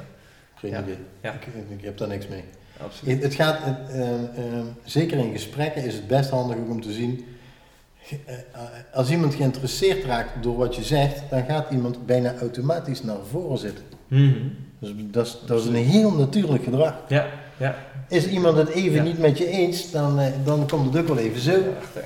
Nou ja, goed. Nu hebben we eh, de bereikende eh, Mhm. en meer proactieve kant te pakken, maar we hebben ook de vermijdende en de reactieve kant te pakken. Juist. Als ik iemand dan weer aan tafel trek met, Mhm. met goede info, dan gaat hij vanzelf van, oh ja, eh, en dan weet ik ook, hier moet ik meer aandacht aan besteden. Juist. En die van net niet. Precies. Maar dat is, dat is ehm, bereiken en vermijden zijn twee manieren om je te motiveren. Het is Mhm. niet goed, het is niet Mhm. fout, het is een manier van motivatie. Ja, ja. Sommige mensen gaan 100% aan op het zien van problemen. Mhm. En andere mensen denken, shit, waarom ik? Ja, ja, ja, ja, precies, precies. En zo heb je ook bereikende mensen. Los van het feit dat vermijden wel meer energie kost en, en stressvoller is dan bereiken. ja, Maar goed, dat heeft te maken met de neurologie en dat eh, ehm, vermijdende mensen wat meer gefocust zijn op hoe hou ik hier de boel veilig. En ja, daar gaat dus meer energie in zitten. ja. Zou je kunnen zeggen dat een, eh, een vermijdende motivatie over het algemeen meer een soort overlevingsstand aanzet? Hè? Want over, eh, vanuit overleven is, ik, ik zeg wel eens van, hè, als je 10.000 jaar geleden op de prairie had gelopen, en nog steeds trouwens, maar dan was het veiliger geweest om een, eh, een steen voor een tijger aan te zien en heel hard weg te rennen, dan dat je een tijger voor een steen aanziet en dat je denkt, oh, het zal wel, eh, het zal wel goed zijn. Dus wat ik daarmee wil zeggen is dat de mensen met een vermijdende motivatie waarschijnlijk makkelijker konden overleven in die tijd. Ja. Je- we- ik- in- in- wij zijn helemaal vol met vermijdende structuren. Standaard. Hmm. Die zitten er altijd in. Ja. Iemand die vermijdend gemotiveerd is, Hmm. die vermijdende mensen zijn alerter op een omgeving of er geen gekke toestanden ontstaan. Dus Mhm. als ik iemand op wacht moet zetten bij een kamp, Ja, ja. dan zoek ik daar een vermijdend iemand voor. Precies. Ja, die ziet direct, hé, hey, daar is iets aan. Die let op een Ja, beweging, die let op uh, ritselen van de bomen, eh, whatever. Precies. Die staat dus feitelijk aan. Ja. Het nadeel van aanstaan is, is dat het ehm, voor de hersenen veel intensiever is. Er komt nog wat adrenaline bij kijken, er komt nog wat, wat eh, bijnierhormoon, ACTH, dat soort dingen komt erbij kijken. Ja. Dus die mensen die hebben een, ehm, eh, verbruiken meer energie, ook Mhm. hersentechnisch, Mhm. om dat voor elkaar te krijgen. Mhm. We noemen dat stress. Ja, precies. Ja, Het ja. zij zo. Ja. Mensen die berekend zijn, die denken, er is gisteren niks gebeurd, er is eergisteren niks gebeurd, vorige week ook niet. Zoek het maar uit. Ja, Snap je? absoluut. Ja, zeker. Dus die hebben die, hebben die die, dat wil niet zeggen dat ze niet alert zijn, maar dat wil zeggen dat die dat op een andere manier regelen, waarbij dat, eh, ze eh, nog steeds wakker zijn, Mhm. maar de, de hersenen draaien op een, een, een lager, energetisch op een lager niveau, Ja, waardoor dat ze het veel langer kunnen volhouden. precies. En op het moment dat zij heel enthousiast worden over een bepaald doel, Dan vliegt dat omhoog. dan vliegt het omhoog. En Ja, dan krijgen ze nog meer gas, gaan ze het nog meer volhouden. Precies. Dus ja. als, je, als je bijvoorbeeld kijkt, de ideale situatie, en dat is met bijvoorbeeld zaken als gezondheid ook zo. Mhm. We hebben eerst een vermijdende impuls nodig. Mhm. En die vermijdende puls moeten we omzetten in een in bereiken. Mhm. Ja, Dan zijn we er vanaf. Ja. En wat Ja. zie je heel vaak? Mensen die een vermijdende impuls hebben en die zijn niet meer gemotiveerd om te doen op het moment dat ze hun ja het Doel probleem. De symptomen even weg zijn. Ja. symptomen is weg. Ja. Dan kelderen ze naar beneden, doen ze Ja. niks, om vervolgens nog een keer datzelfde riedeltje nog uithalen. En wat je dus dan dus vergeet is, hoe kan ik nou die ene impuls gebruiken in een lange termijn strategie? Juist. Dat is de meest essentiële situatie. Ja. Daar, absoluut. daar, daar ga ik Ja. al voor. Dat is wel de manier om dat voor elkaar te krijgen. Moest lukt mij ook. Oké. Ben ik nog gewoon mensen. Ik dacht, nu komt er een gouden formule Nee, nee. onbreekbare motivatie Nee, nee, eh, nee, te nee, creëren. Nee, echt Ja. niet. Ik, Ja. eh, ik weet dat ik dus feitelijk qua Ja. lichaamslengte, ik, laat ik zo zeggen, ik ben te zwaar voor mijn lichaamslengte, oftewel ik ben meer in de breedte dan in de hoogte. Eh, het is nog net geen twee kuub vlees met twee ogen, maar. ik, ik weet dat ik te zwaar ben, alleen ik vind ook heel veel dingen en smaken vind ik heel erg eh, Ja. aangenaam. Ja. Nou ja, Ja. goed, die aangename dingen van veel smaak en zaken proeven, helpt niet mee om eh, mijn gewicht op te houden. Mm. En dat weet ik, en dat vind ik ook best. Ja, nee, ja, precies. Af en toe begrijp ik ja. en dan vind ik het ook goed. Ja, ja. Keuze, andere waarden. Het is, uiteindelijk is het allemaal, hè, het, het- het- uiteindelijk draait het leven ook om keuzes maken. En inderdaad, je, wat je heel terecht zegt, je waarde, hè, wat vind ik belangrijker. Ja. Eh, en dat is, ja. Ik, eh, om terug te komen op die meterprogramma's. Mhm. ehm, ik denk goed overbrengen van de vragen, maar ook welke gedragscomponent hoort daarbij. Mhm. En dat laten oefenen, bijvoorbeeld in een modelleeropdracht of weet ik nou er komt fysiologie komt daar ook bij kijken. Ik denk dat dat een meerwaarde is voor mensen om teams samen te stellen, maar ook om te kijken van wie geef ik welke taak en waarom. Mhm. Precies. Ja, zeker. En dat kun je Dus, uitleggen. eh, ja. Eh, en zeker als dat je het eh, op papier hebt, of als dat je het officieel laat doen met een softwareprogrammaatje. In ieder geval zo'n testje gewoon, hè. Dus, dus als, je, als je een team hebt, gewoon van tevoren even een testje doen. Wat is jouw metaprogramma? Wat is jouw metaprogramma? Toevallig, toen ik, toen ik net met twee personal assistants in mijn eigen bedrijf begon te werken, hebben we dat inderdaad ook ingevuld. Van oké, even, even zo'n vragenlijstje. Ik weet niet of die helemaal zuiver was, maar het was in ieder geval een vragenlijstje om die metaprogramma's te achterhalen. Ja. En dan heb je het er toch even over met elkaar. En dat is super waardevol. Dan kom je ineens achter van, oh, hier liggen wellicht in deze context voor mij een aantal valkuilen. Ja.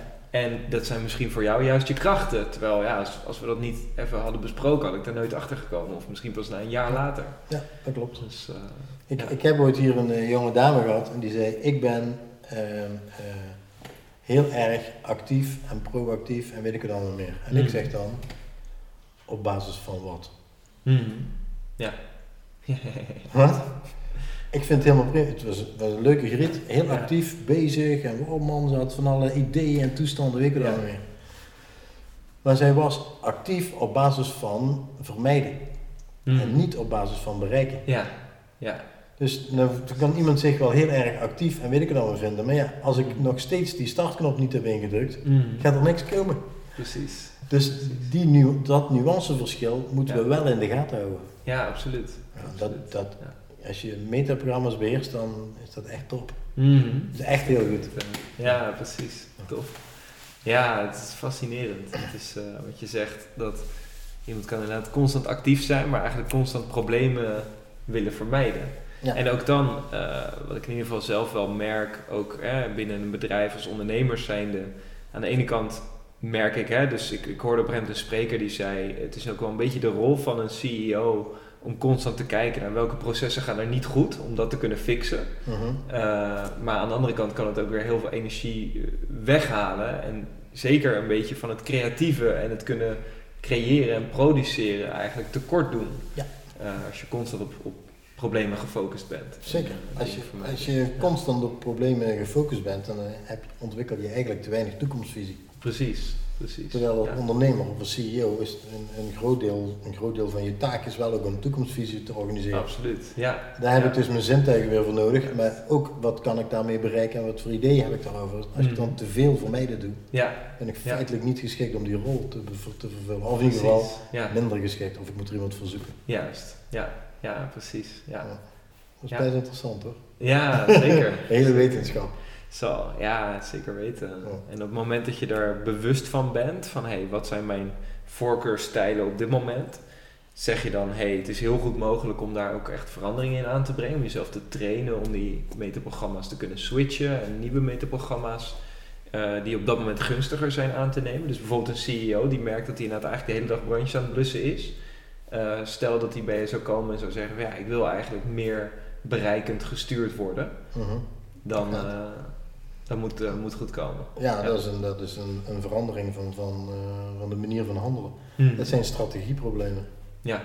Ja. Mensen hebben, ontwikkelen een bepaalde strategie, manier van oplossen van problemen of manier van kijken naar, naar de wereld. Mhm. En in die, in, die in die strategieproblemen zit bijvoorbeeld in wat, wat iemand motiveert, ja of nee. Maar dat is ook om te draaien. Ja. Ja. Vaak gebeurt een, eh, eh, het veranderen van metaprogramma gebeurt vaak na eh, emotioneel significante ervaringen. Mhm. Juist. Dus dat het kan veranderen is zeker. Mhm. Het is geen eh, gestort en uitgehaald beton. Ja. De vraag is alleen, breng, eh, je- op het moment dat je jezelf, zoals jij zegt, jezelf in kaart brengt. Mhm. En je weet, dit doe ik en daar ben ik goed in en dat vind ik leuk om te doen. Maar ik mis dat en dat en dat. Dan kun je ook gaan kijken van welk metaprogramma moet ik dan ontwikkelen Mhm. om dat voor elkaar te krijgen. Juist. Oké, iets wat ik voor mezelf over heb. Mhm. Ik ben niet zo goed in details en in procedure. En ik heb dus nu in totaal vier dagen een cursus patisserie gedaan. Van gasten die Ja. mega goed zijn in het, in het doen van patisserie. Ja, ja, ja. Eh, desserts en gebakjes. Dit Mm. ziet eruit jongen om door een ringetje te halen. Echt. Ik denk dat gewoon niet aankomen, dit is kunst. Zo, Op die manier. hè. Mhm. Maar er gaat zo verschrikkelijk veel detail Mhm. en zo verschrikkelijk veel procedure in zitten. Ja. Dat ik als eh, wars van procedures en meer de algemene dingen Mm. pak. Want Ik, ik kan me wel bezighouden met de details Ja, voor ja. korte tijd. Ja. Maar om dan twee dagen, of zeg maar twee blokken van twee dagen, alleen maar procedure en, en details te doen, ik kan je zeggen, dan ben ik kapot. Ja, ja. Maar ik vind het wel belangrijk om uit te dagen. Ja, precies. precies. Nou heb ik wel een context gekozen Uh-huh. die ik leuk vind om te doen. Ja. Dus ik vind, ik kook graag, ik vind eh, lekker eten klaarmaken vind ik top. Ja. Daar hoort een dessert en een, en, een, en een gebakje of iets wat daarop lijkt ook bij. Dus ik kies wel een context die mij ligt. Mhm. Maar de procedure en de detail is zo extreem dat ik Mhm. gewoon, ik ben gewoon steen kapot na twee dagen. Dat Ja. doe ik echt man. Ja, precies. maar met Ja, doen? ja, ja, absoluut. Ja. Ja. en dat is misschien ook inderdaad aan de ene kant het, ehm, het ontwikkelen van, oké, wat zijn mijn valkuilen of, of minder sterk ontwikkelde eh, kanten, ook binnen de metaprogramma's. Hoe kan ik dat switchen en veranderen en daarin ontwikkelen. En aan de andere kant juist ook inderdaad de focus op leggen, hé, maar waar ben ik juist goed in? Ja. Ik herken me heel erg in wat je zegt. Ik ben ook helemaal niet zo van de, alle details. En vooral als het over administratie gaat, financiën, Ja. dan zie ik heel heeft- veel cijfertjes. En dan, Dat heeft, niet- ah, dat heeft oké. niemand. Nee, ja, ja, ja. Ja, er Nou, zijn mensen er zijn accountants die dat kunnen dat heel goed, ja, ja. helemaal induiken. Ehm, en dan inderdaad, maar goed, dan is inderdaad ook goed om voor jezelf te realiseren van, ja, maar wacht eventjes. Hè, wat, eh, wat Rutney laatst zei, wat is mijn zone of genius? En wat is nou hetgene waar ik het allerbeste in ben? Ehm, en hoe kan ik meer mijn focus ook op dat stuk natuurlijk eh, Ja, dat- ik, ja. ik denk dat dat goed is. ja. En ik, wil, ik wil wel, ik vind het wel leuk om de uitdaging op te zoeken, om Ja. het ook mee te maken. En het zal best zijn dat ik best ook nog wel een keer andere cursussen Mhm. op dat gebied ga doen. Mhm. Maar ik weet gewoon dat me dat, dat, me dat kruim kost. Dus ik moet dat Ja. niet doen in een drukke periode. Ik moet dan een rustige periode hebben. En dan moet ik zeggen, oké, nu, nu, ga ik weer even mezelf eh, Ja. een schop Ja. onder de kont geven. Precies, precies. Dat is best leuk, hoor. Tof. Bovendien heel erg lekker. Ja, ja, ja, absoluut. Nice. En ehm, Een ander ding waar je natuurlijk heel veel mee bezig bent en waar je volgens mij ook echt een, nou ja, in die 20 jaar ben je in heel veel dingen een expert geworden, maar wat in ieder geval in die training duidelijk naar voren kwam was ook strategieën. Ik denk dat het verstandig is om eens ehm, aan te geven dat de meeste mensen niet bezig zijn met strategieën. Want je bent pas bezig met strategieën op het moment dat je als coach vraagt naar in welk volgorde de zintuigen gebruikt worden. Dus zolang als dat je die vragen nog niet gesteld hebt, Ja. Ben je nog niet met strategieën bezig. Precies, zoals we dat in ieder geval in NLP en HNLP gebruiken. Want Ja. er zijn natuurlijk hele boeken geschreven over bedrijfsstrategieën en dergelijke. Alleen dat is een andere vorm van strategieën. Is een Ja. heel ander verhaal eigenlijk dan hoe we in NLP naar strategieën kijken. Zeker. Ja. Dus waar het om gaat is, in welke volgorde eh, eh, heb ik, maar gebruik ik mijn zintuigen en welk resultaat geeft dat?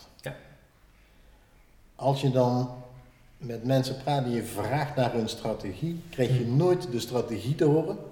Exact zoals die is. Nooit, Mhm. krijg je niet. Je krijgt alleen de uitkomst te horen. Mhm. Dus als je gaat tanden poetsen, Ja. dan krijg je niet te horen hoe iemand precies een hoeveelheid tandpasta op de borstel doet. Maar dan krijg je te horen, ik heb tandpasta op mijn borstel gedaan. Precies. Dus alles wat daarvoor gebeurt, Ja. het dopje er vanaf, de dingen, eh, hoe hard heb ik geknepen, waar heb ik naar gekeken, hoe heb ik mijn handen gehouden, al dat soort zaken, wordt overgeslagen. Juist. Precies. Dat heeft als voordeel dat ik me niet zo moet inspannen. Mhm. Dus mijn hersenen zijn niet bezig met het verwerken van Mhm.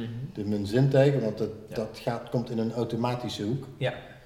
En in die automatische hoek help ik mijn hersenen mee om niet zoveel eh, diesel en benzine, want die is Ja. schrikbarend duur tegenwoordig, Eh, of aardgas te verstoken.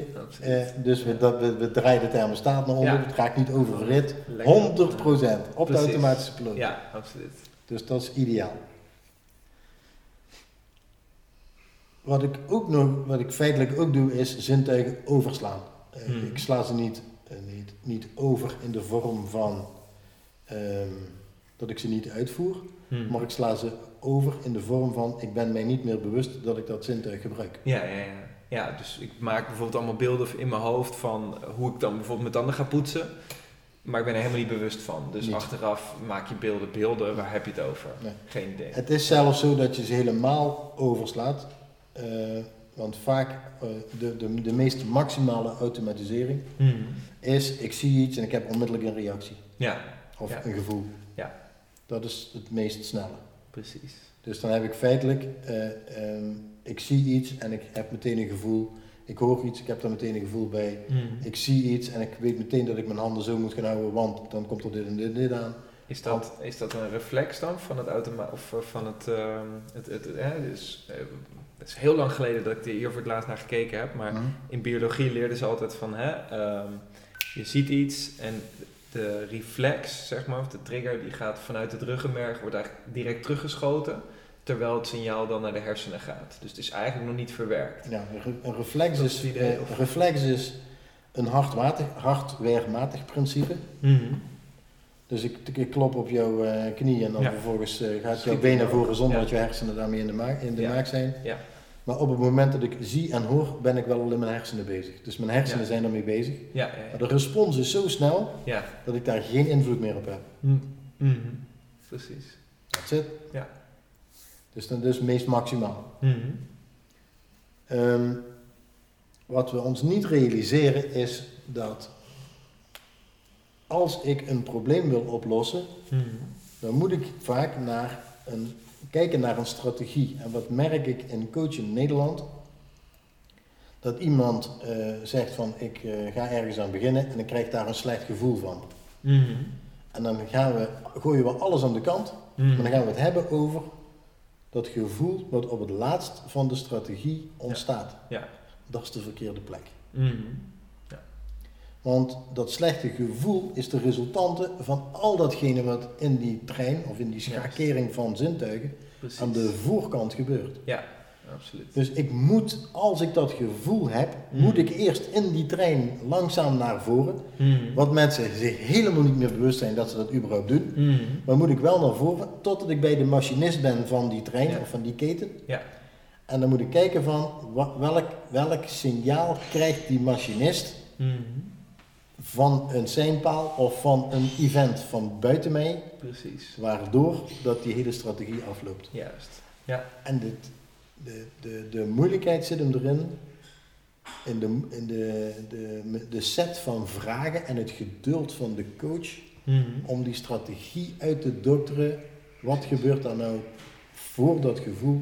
Ja. En, en dan dat je naar zeg maar, ik heb dan als metafoor een trein, en die past perfect. Mhm. Wat gebeurt er in de locomotief? Precies. Als de locomotief bij de seinpaal komt, wat besluit die locomotief? En dat Hmm. jij achteraf merkt dat je in de verkeerde trein zit of dat de trein de verkeerde wissel heeft genomen, ja, dan ben je te laat. Absoluut. Dus we Ja, moeten- Dan sta je aan de gevolgkant van je leven. Ja, eh, dus ja. strategieën helpen je mee om niet aan de gevolgkant te staan op het einde van de trein, Hmm. maar veel meer eh, daar van oké, wat is het initiatief dat ik nemen aan de voorkant? Juist. Precies. Wanneer begint dit? Ja. Eh, en mensen die hier cursus gevolgd hebben, die noemen werken met strategieën tandenpoetsen. Want ik, want ik laat ze ook tandenpoetsen. Ja, ja, ja. ja. Dus iedereen die, hier, die, iedereen die hier aan tafel zit, Ja, in de practitioner, die pas begint, die gaan ook allemaal een keer tanden poetsen. ja. Puur en alleen om, En dan heel bewust tanden poetsen. ja, en dan, en dan opschrijven wat heb je gedaan, weet je wel. Ja. En in het begin, en in het begin was het van tanden poetsen. En dan denk ik van, ja oké, dat snap ik, maar wat heb je nou allemaal gedaan? En dan gaat het over, ja, ik heb de kraan opengedraaid, ik heb tandpasta op mijn borstel gedaan, met mijn mond en geborsteld. En, en nagelang dat de, de dag dan vordert, Mhm. krijg je steeds meer de details te horen over wat gebeurt daar dan precies. Precies. Totdat we het alleen nog maar hebben over de kraan opendraaien en de, en de borstel eronder houden. Mhm. Ja. En- En een paar seconden, wat zeg je in die tijd tegen Precies. jezelf? Wat voor beelden zie je? Wat voor gevoel ont- ontstaat er? Ja. Die hele keten, Ja. dat is een strategie. Ja. En dat zijn zaken die je of automatisch goed doet, Mhm. Ja. of automatisch fout doet en je eigenlijk in de shit terechtkomt terwijl je dat niet wil. Ja. Dus dat is een, een manier van kijken naar zintuigen en zintuiggebruik. Ja, die moet je je aanleren. Je moet, Mhm. Dat gaat dan over details, daarom ga ik, doe ik ook die patisserie shit. Mhm. Ehm, je moet gewoon kijken naar de details wat daar precies mee gebeurt. Dat zintuig is heel erg belangrijk. Wat is de volgorde van de zintuigen? Absoluut. Dus het is heel erg een kwestie van echt vertragen. Stap voor stap ontdekken. Hoe doe ik nou wat ik doe? Eigenlijk, we zijn zoveel op de automatische piloot bezig. Het grootste nadeel van het werken met, met strategieën, zeker als het strategieën, over strategie gaat die een minder goede gemoedstoestand oplevert, Ja. hoe dichter ik in mijn stapjes Mhm. bij dat slechte gevoel kom, Ja. hoe ongemakkelijker mijn coachie zich gaat Ja. eh, voelen. Dus Ja, die wil daar weg. ja, precies. Dat is geen bewust proces, dat is een onbewust proces. Mhm. Die denkt, hij komt er dichtbij, hij komt er dichtbij, hij komt er dichtbij, hij komt er dichtbij. Shit, ik kan niet meer weg. Ja. En dan, ja, dan loopt er wel eens wat zout water uit de ogen en dat soort zaken meer. Ik vind het allemaal verder niet zo belangrijk. Mhm. Ehm, maar dat is dan wel wat er gebeurt. Of mensen willen afleiden van datgene waar het eigenlijk over gaat. Ja, ja, ja, precies. Dat ja. bereik je dus wel met het werken met strategieën. Ja. Het gaat niet om de tranen. Het gaat meer om dat duidelijk wordt wat iemand doet. Want die Hmm. tranen, dat is maar eh, twee seconden. Ja, En precies. de oplossing is euforisch. Absoluut, absoluut. En dat kan soms ook heel eh, opluchtend zijn natuurlijk om de tranen even te laten. Ja, ja, als de druk op de leiding is, dan moet je even laten ontsnappen. Ja, ja, ja, precies, precies, Dat absoluut. Ja, ja, mooi. Ja, dus Ja, dat is prachtig. Dus, eh, wetenschap op zich. een wetenschap op zich, absoluut. Ja, zeker. En inderdaad, het is echt een proces ook van bewustwording. Ja. Wat doe ik nou eigenlijk en hoe doe ik dat? En ja, ja eigenlijk als je, als je niet, niet bewust bent van hoe je jezelf in de shit brengt, ja, hoe verwacht je dan dat je jezelf eruit kan halen? Ja, niet. Of, of kan voorkomen dat je er nog een keer instapt. Ja, los, los van het feit dat als dat je een interventie plaatst, Mhm. Dan zijn we dus heel vaak bezig. Oh, we hebben het gevoel te pakken, dan gaan we dat gevoel veranderen. Ja, Wat op het einde van de trein staat. ja, ja, ja, precies. Ja. Maar ik wil eigenlijk een goede gemoedstoestand installeren Mhm. bij het begin van de trein. Absoluut. Ja. Want het begin van de trein zorgt er al voor dat ik in die slechte gemoedstoestand terechtkom. Mm. Dat gaat zo snel. Mhm. Dus als ik nou zorg voor een goede gemoedstoestand in het begin van de trein, heb ik dus mijn interventie op de juiste plek geplaatst. Juist. En anders ben ik altijd te laat. Precies. Ja. Mooi. Ik zeg altijd tijd. zo, een trein, Ja. een trein die twee minuten geleden vertrokken is, ga je echt niet meer inhalen. Uh-huh. Ja, dan, sta je, dan ja. sta je aan de kant. Ja, zeker weten. En als dat je eh, eh, precies op tijd op het perron oploopt en de, en de deur is nog open, ja, dan kun je nog precies instappen. Dat is het moment waar de interventie moet plaatsvinden. Absoluut. Ja. En, en ik weet dat in gesprekken met coaches en met weten dat er heel vaak gepraat wordt over ja, de gevoelens en dat soort dingen, vervelend en weet ik nog meer. Maar ja, we Mm. praten dan wel over de achterkant van de trein. Mhm. De trein is al vertrokken en daar, daar hebben we het dan over dat de trein vertrokken is. Ja, Ja. prima. Ja. Maar je schiet er niks mee op. Ja, nee, precies. Precies. Ja. Je wordt er niet vrolijker van. Zeker nee, achteraf absoluut. Nee, zeker. Het is, eh, nou ja, en, en dan kan je natuurlijk eh, vanuit daar nog dat wel werken om het gevoel te veranderen. Maar dan ben je dus echt na de maaltijd, eh, of hè, ja, mosterd na de maaltijd als het ware. Ja. Dan, en, en je lost het probleem daarmee niet sustainable op. Want dan moet iemand elke keer een omweg nemen in plaats van Ja, gewoon in één keer eh, op de makkelijkste manier te doen. Ja. ja. Nou, dat is heel kort. Ja, heel kort met strategie. eh, die, paar, die drie dagen die, eh, die je had beloofd. Dus eventjes de Ja, minuten samenvatten. Ja, ja, ik, ik- ja je, je kunt daar heel veel over vertellen. Over Ja, het, is, je- ik, het belangrijkste vind ik dat mensen in de gaten krijgen.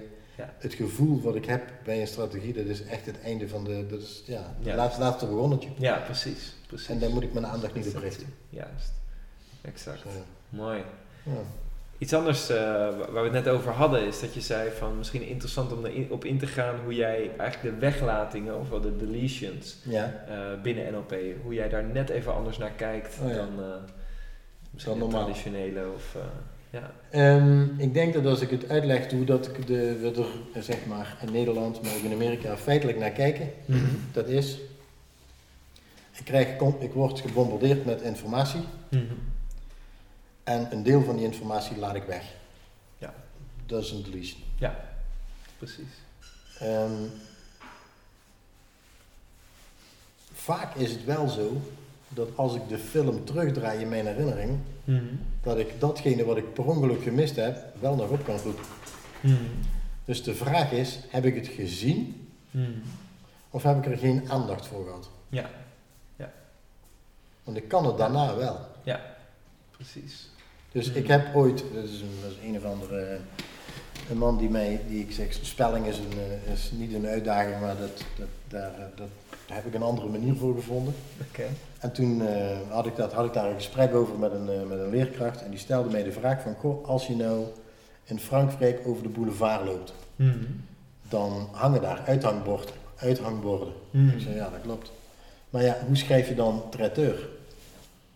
Is dat een uithangbord die daar hangt? Ik was daar eh, drie weken geleden ervoor geweest. Mhm. Maar ik zie dus de vorm van dat bord, die het versiersel ervan meer, en er staat in een boog, in gouden letters, traiteur. Dus ik hoefde maar even kijken en ik zeg, dat is, dat is de traiteur. Precies.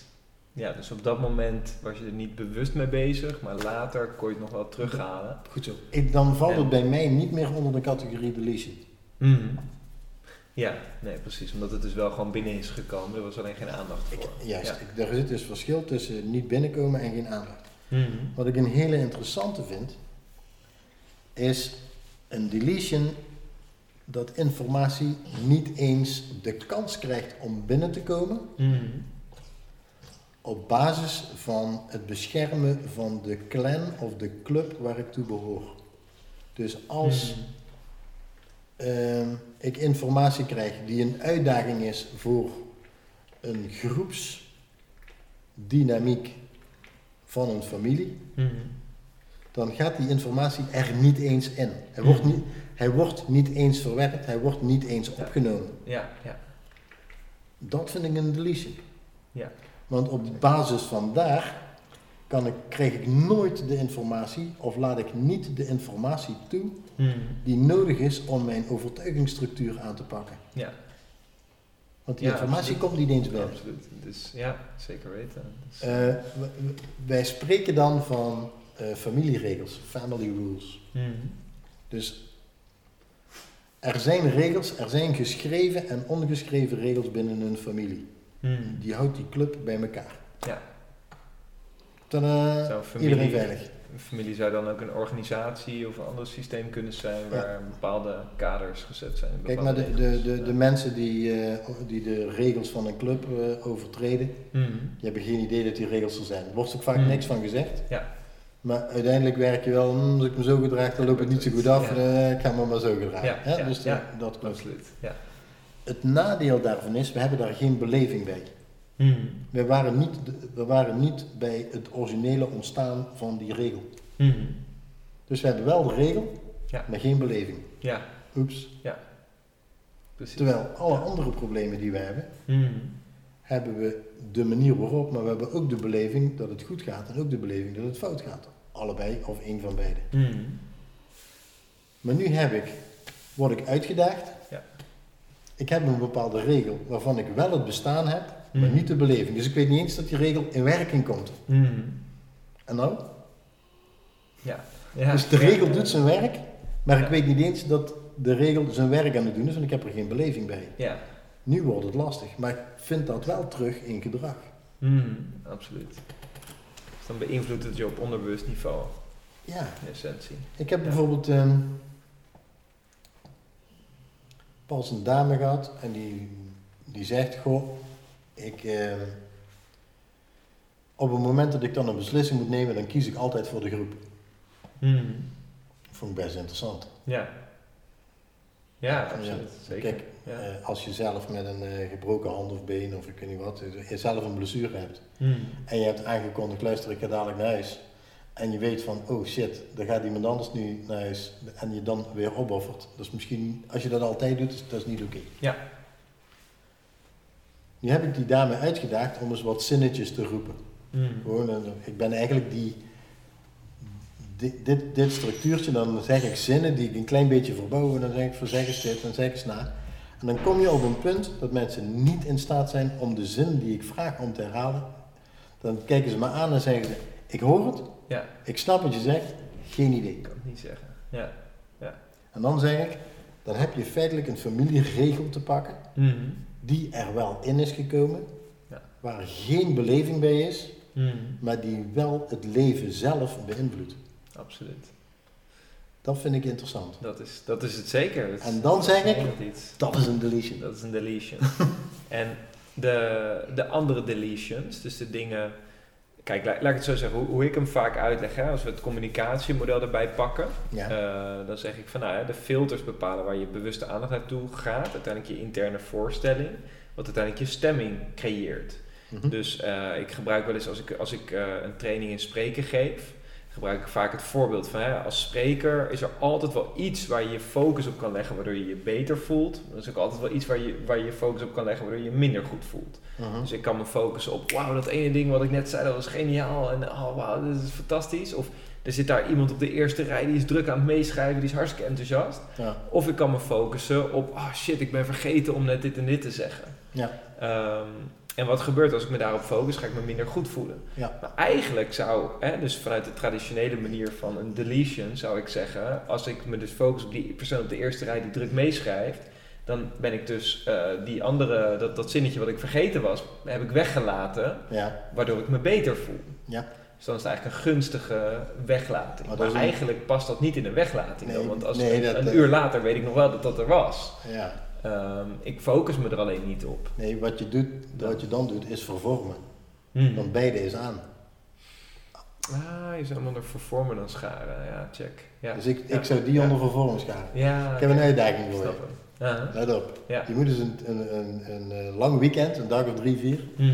training gaan geven in Zweden. Nee, ja, oké. Helder? Ja. Dan ben jij het, het, schompers aan het werken en je krijgt op geen enkele manier ja. enige emotionele respons. Alright. Nog niet misschien. Ja. Die hebben een iPad of een laptop op hun schoot, die kijken jou aan, die zijn aan het kijken, die typen. ja, Dat is... strak. En als je dan praat met iemand die jou heeft uitgenodigd om daar training te geven en je zegt van, goh, Ik krijg niet zo heel veel respons. Wat vinden ze ervan? Hmm. Die zegt dan, ze vinden het fantastisch. Je doet het geweldig. En dan denk je dan, hoe dan? fascinerend. ja, ja, ja, ja. Dus ja, als ik mij dus moet richten op wat buiten mij gebeurt, Mm. en ik moet daar de goede dingen uithalen, en, ik, en, ik, en, ik, in mijn geval zou ik die dus onder eh, vervormen Hmm. zetten, want je, Hmm. je vervormt feitelijk datgene wat er aan beide is, geef je, eh, laat je die weg en dat laat je staan. Ja. Dus je, je vervormt feitelijk je eigen waarheid. Mm. Goed idee trouwens. Ja, ja, ja. is niks, doen we altijd volgens mij. er is niks mis mee. eh, ja, Nee, ja, als het toch gebeurt, laten we het dan maar meteen goed Laten we doen. het maar gunstig doen, precies. Maar wat, ik, wat, wat interessant is als iemand wil spreken Ja. voor publiek. Ehm, wat is de familieregel? Stel je bijvoorbeeld voor, als iemand, er ligt een kleine dreuners en die heeft, die heeft eh, rotzooi getrapt, dat doen ze allemaal zonder Mhm. uitzondering. En dan zegt zijn ouder, kijk maar, Mm. kijk maar aan als ik tegen je praat. Mm. En ik kijk dan aan en ik, en ik heb een zeer gefascineerde fas- eh, eh, eh, aandacht voor ogen of voor een mond. Mm. En dat, krijgt, komt, dat wordt focus. Dan wordt op het moment dat ik in een publiek sta of daar bezig ben, dan kan ik diezelfde gevoelens oproepen door mij te focussen op de ogen of de mond. Precies. Terwijl als ik Ja. in een alfa-staat terecht wil komen en een perifere blik ga, Mm.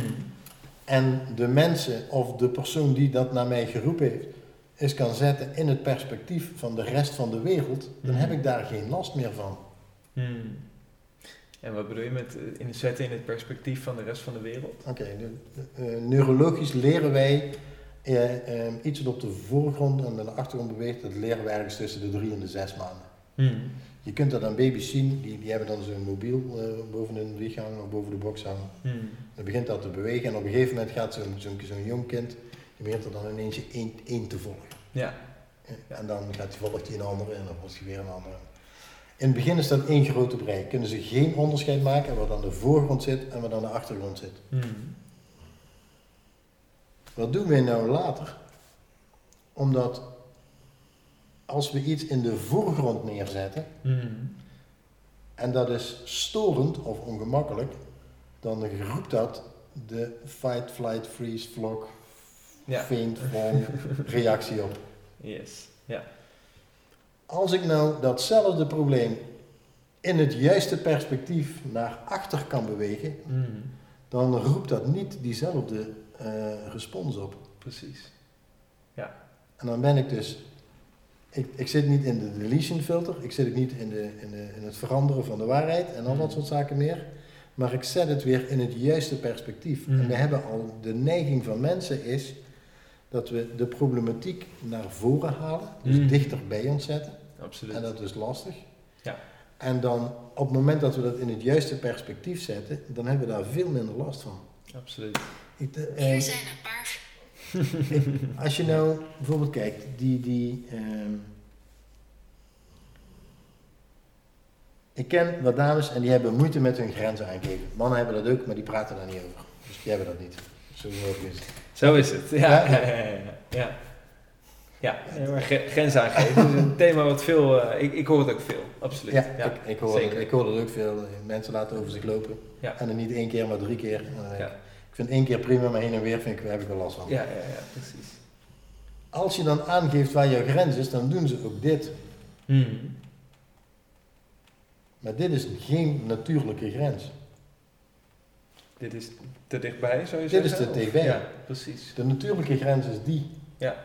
Dus je kunt je voorstellen dat als er gevaar komt en het komt binnen handafstand of Mm. armafstand, dan weet ik dat ik, dat ik ze feitelijk Ja. te veel naar de voorgrond haal. Ja. En dan moet ik ze dus weer in het juiste perspectief zetten. Precies. Eh, als ik personen, als personen veel invloed op mij hebben, Mm.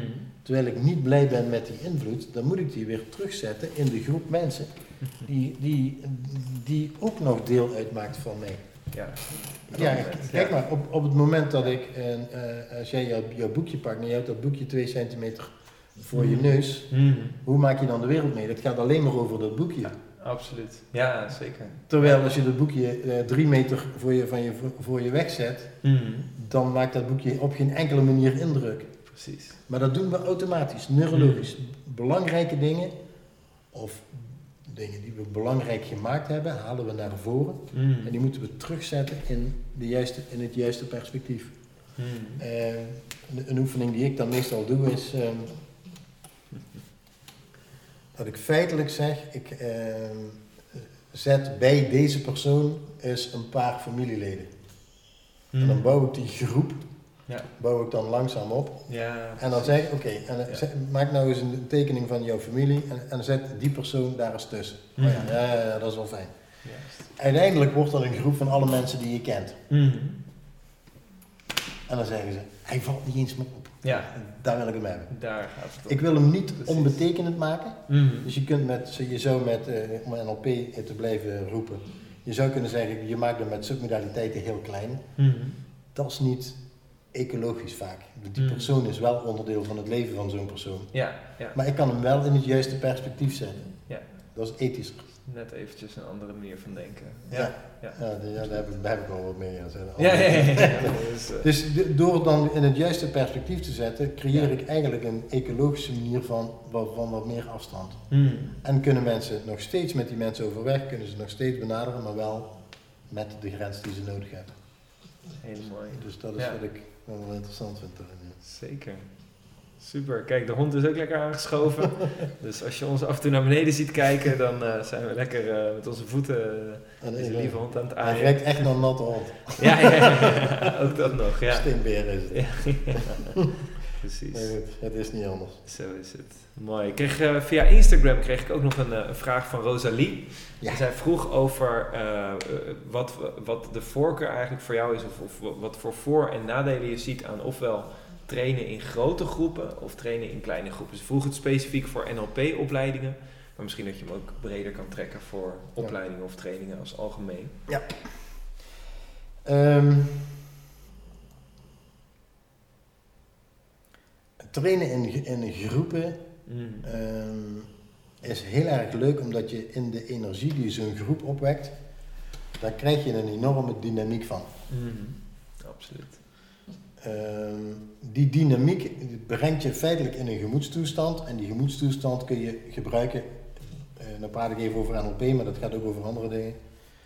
Eh, je komt dan mee in een gemoedstoestand waarbij dat je meer af kunt dan je denkt dat je af kunt. En als je dat dan ook nog een paar keer doet, dan Mm. betekent dat dat dat goed gaat. Absoluut. 100% zeker. Mm.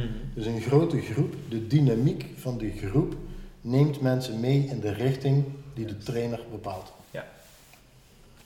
Dat is eh, één. Eh, dat is een, een aspect. Als ik het dan vanuit het oogpunt van de trainer bekijk, dan is het dat je als trainer heb je in een grote groep in het begin een taak om die groep in die dynamiek te zetten. Mm. Staat die eenmaal in die groep, Mm. dan hoef je daar niet zo heel veel meer aan te doen. Ja, ja. Dan hoef je Ja. alleen maar jouw kop te laten zien en dan zijn er altijd een paar mensen die aangaan en die jagen dan die rest weer aan. Gaat bijna vanzelf in zekere zin. Ja, ja, Ja, het, is niet, van, het is niet ja. vanzelfsprekend, maar het gaat wel redelijk gemakkelijk. Ja, nee, ik, ik denk inderdaad wel eens van. Hè. We hebben natuurlijk een heel programma, maar als zou je de mensen een halve dag alleen laten, dan gaan ze ook heel diep. En dan gaan ze ook eh, op, eh, niet op dag 1, maar als je dat op dag 5 of 6 of dag 10 zou doen, dan komt er bijna hetzelfde resultaat. Omdat ze gewoon gewend zijn, oh we gaan diep, we gaan, eh, we gaan ergens mee aan de slag. Ja. Ja. Ik Snap je? Ja, leuk. Ja. Ehm, eh, een grote groep heeft, eh, legt wel ook een verantwoordelijkheid neer Hmm. bij de, bij de individuele deelnemer. Hmm. Kijk, en als je daar naartoe gaat om eh, eh, voor een bepaalde vorm van transformatie Hmm. en je bedenkt halverwege de cursus van, hmm, ik weet niet of ik dat nu nog wel zo leuk vind, Hmm. dan heb je in een grotere groep meer de kans om je daaruit terug te trekken dan in een kleinere groep. Juist.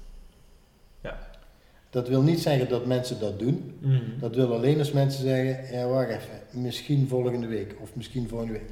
Laten we zo zeggen. Een uitstelstrategie is een strategie die nooit wordt uitgesteld, Hmm. om maar eens wat te noemen. Ja. Dus wat doen mensen dan? In, de, in het kader van een grotere groep is het gemakkelijker om eh, jezelf in die groep wel te bewegen zonder dat je de dingen aangaat. Hmm. Dus er wordt wel een appel gedaan op je persoonlijke,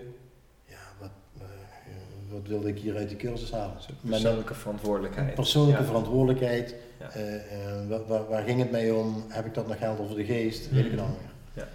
Dat kun je eh, ondervangen door iedereen werktijd en wijle nog eens te herinneren aan het feit van goh, wat was ook weer de reden dat je hier, hier aan tafel zit. Ja, ja, precies. Of door, wat we in ieder geval, als ik zelf een training geef voor grotere groepen, hebben we eigenlijk altijd coaches aanwezig.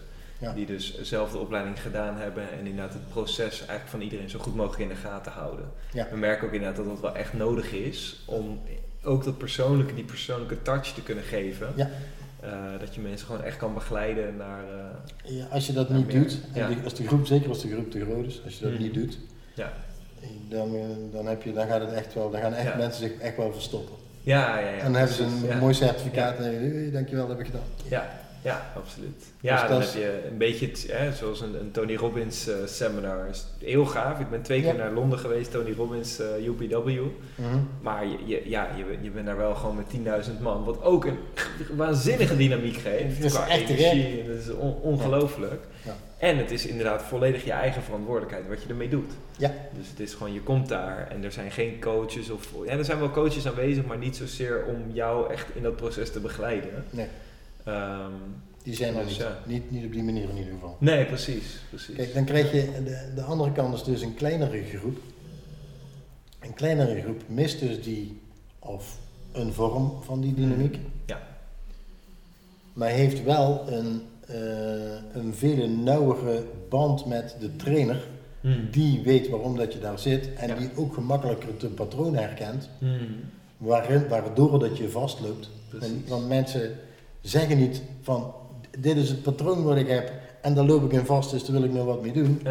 Dat zeggen ze niet. precies. Maar als trainer, en als je, zeker als je getraind bent om die pa- patronen te herkennen, Hmm. dan kun je zeggen van, goh, ik merk dat je dit doet, ik merk dat je dit doet.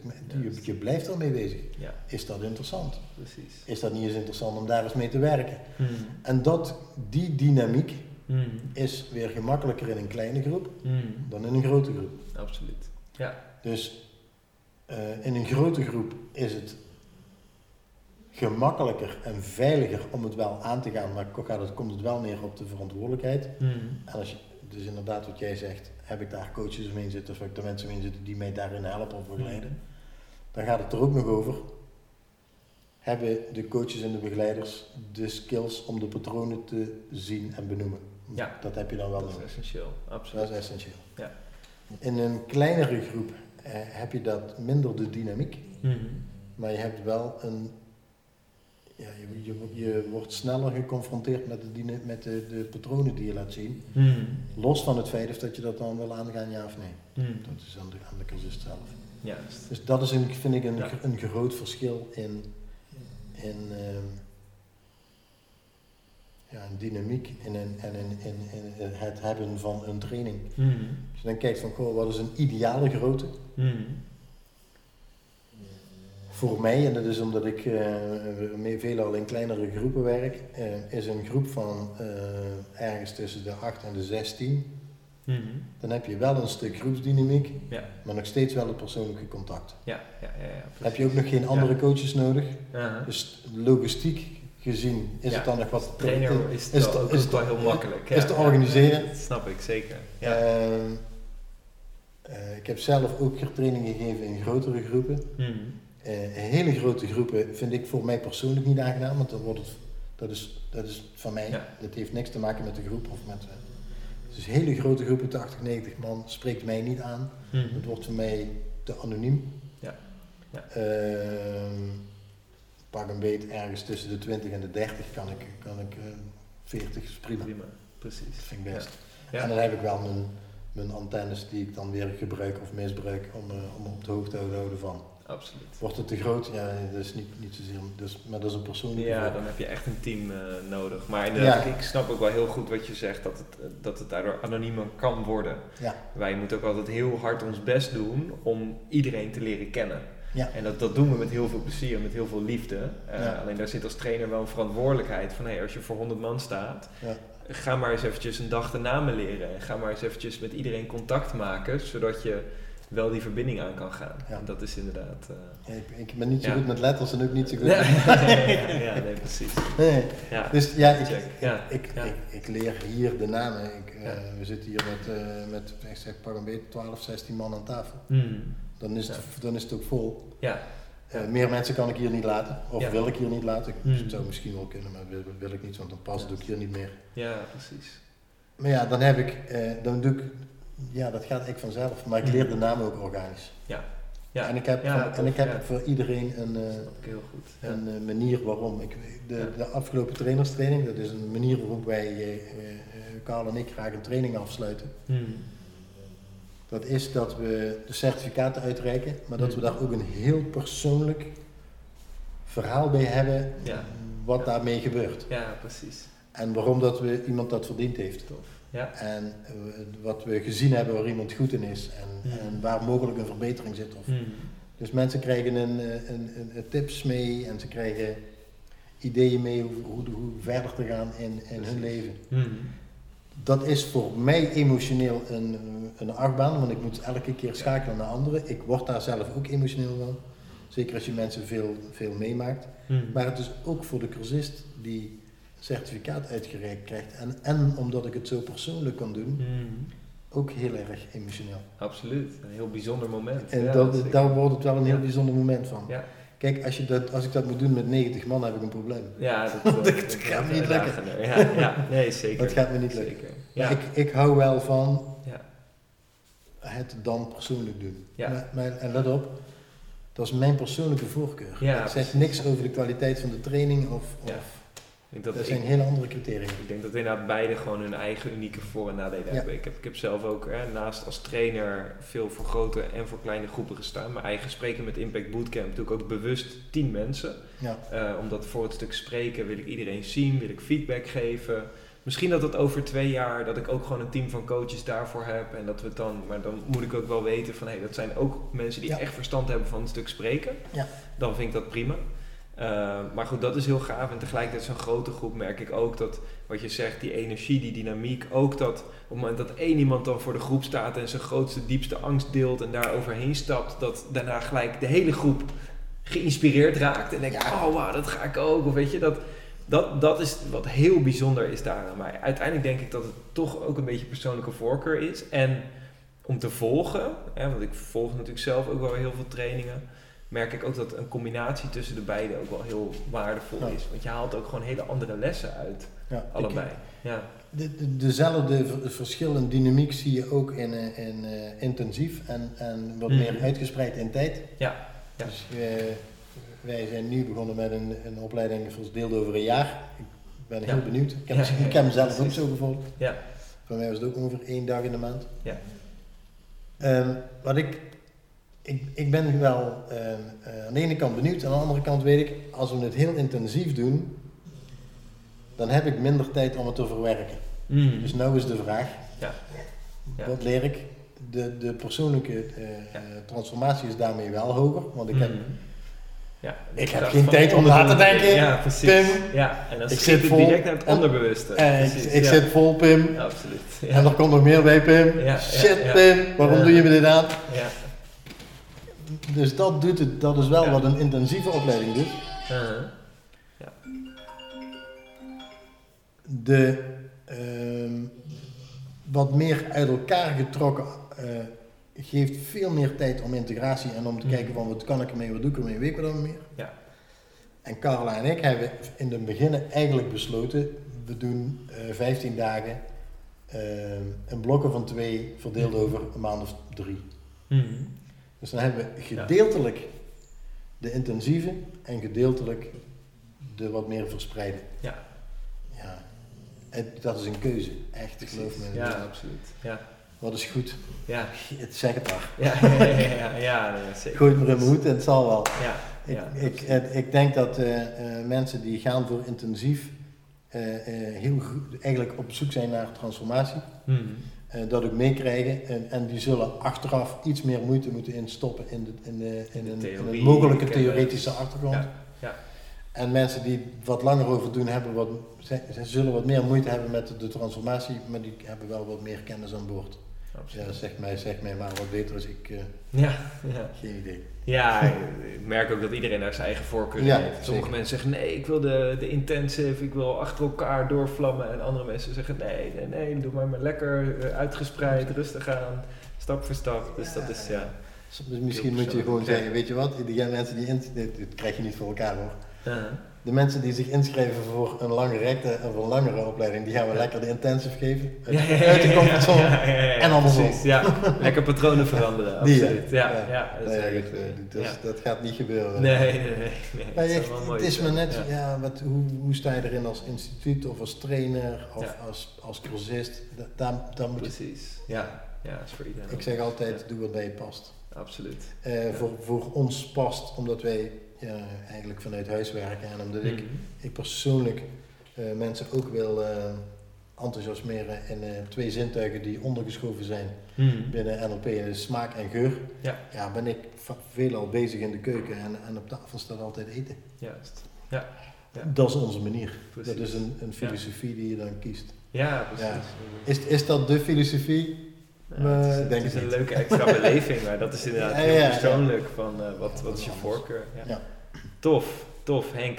We hebben tot nu toe, hè, we zijn al, eh, de tijd vliegt voorbij. We zijn volgens mij alweer eh, een uur en een kwartier verder. Ja. Dus eh, bij deze, ik wil je alvast enorm bedanken voor, eh, voor het prachtige gesprek.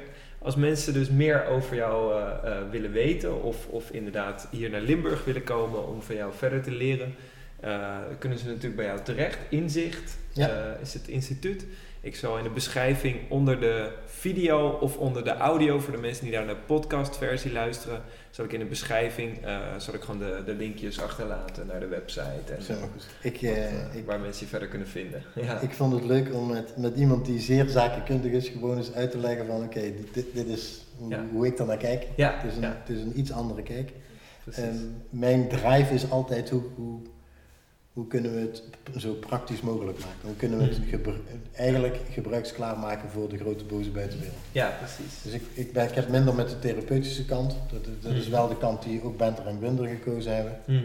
En ik zit meer op van hoe kunnen we het da- dag- dagelijks praktisch Ja, maken. in de dagelijkse praktijk. Ja. Dus dat Ja. vind ik het voordeel, dat vind ik het Ja. gemak van HNLP. Mooi. Taal. Ja, absoluut. Ja. Spreken. Kijk, en op het moment Ja. dat je niet zeker bent van het zekere, dan is het maar de vraag of het niet zeker is waar je zeker van bent. Zo is het maar net. ja, ja, dat is een klein voorproefje En die van, kun je de, terugspoelen. van de HNLP. Ja, precies, precies.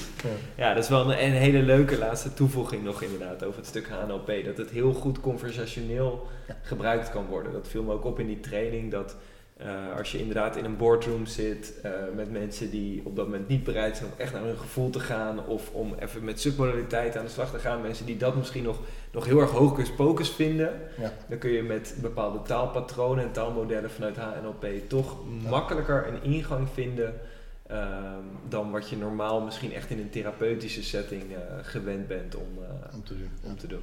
Ja, Het wordt breder toepasbaar. Mooi. Zo is dat is Ja. mijn beleving in ieder geval. ja precies. Precies. Top. Ja. Ik vind het heel leuk om je te ontvangen. Ik, ik heb er een droge mond van. Wil jij wat drinken? Wij gaan lekker wat drinken. Wij gaan lekker wat drinken. En eh, voor jou, dankjewel voor het kijken. Super tof. Ik hoop dat je er veel van geleerd hebt. Ik kan me heel goed voorstellen dat dit een interview is dat je gewoon een paar keer terug wil kijken en de aantekeningen erbij wil pakken om, eh, om alle lessen eruit te halen. Voor nu, geniet van je dag en tot volgende keer. Groetjes. Ciao, ciao.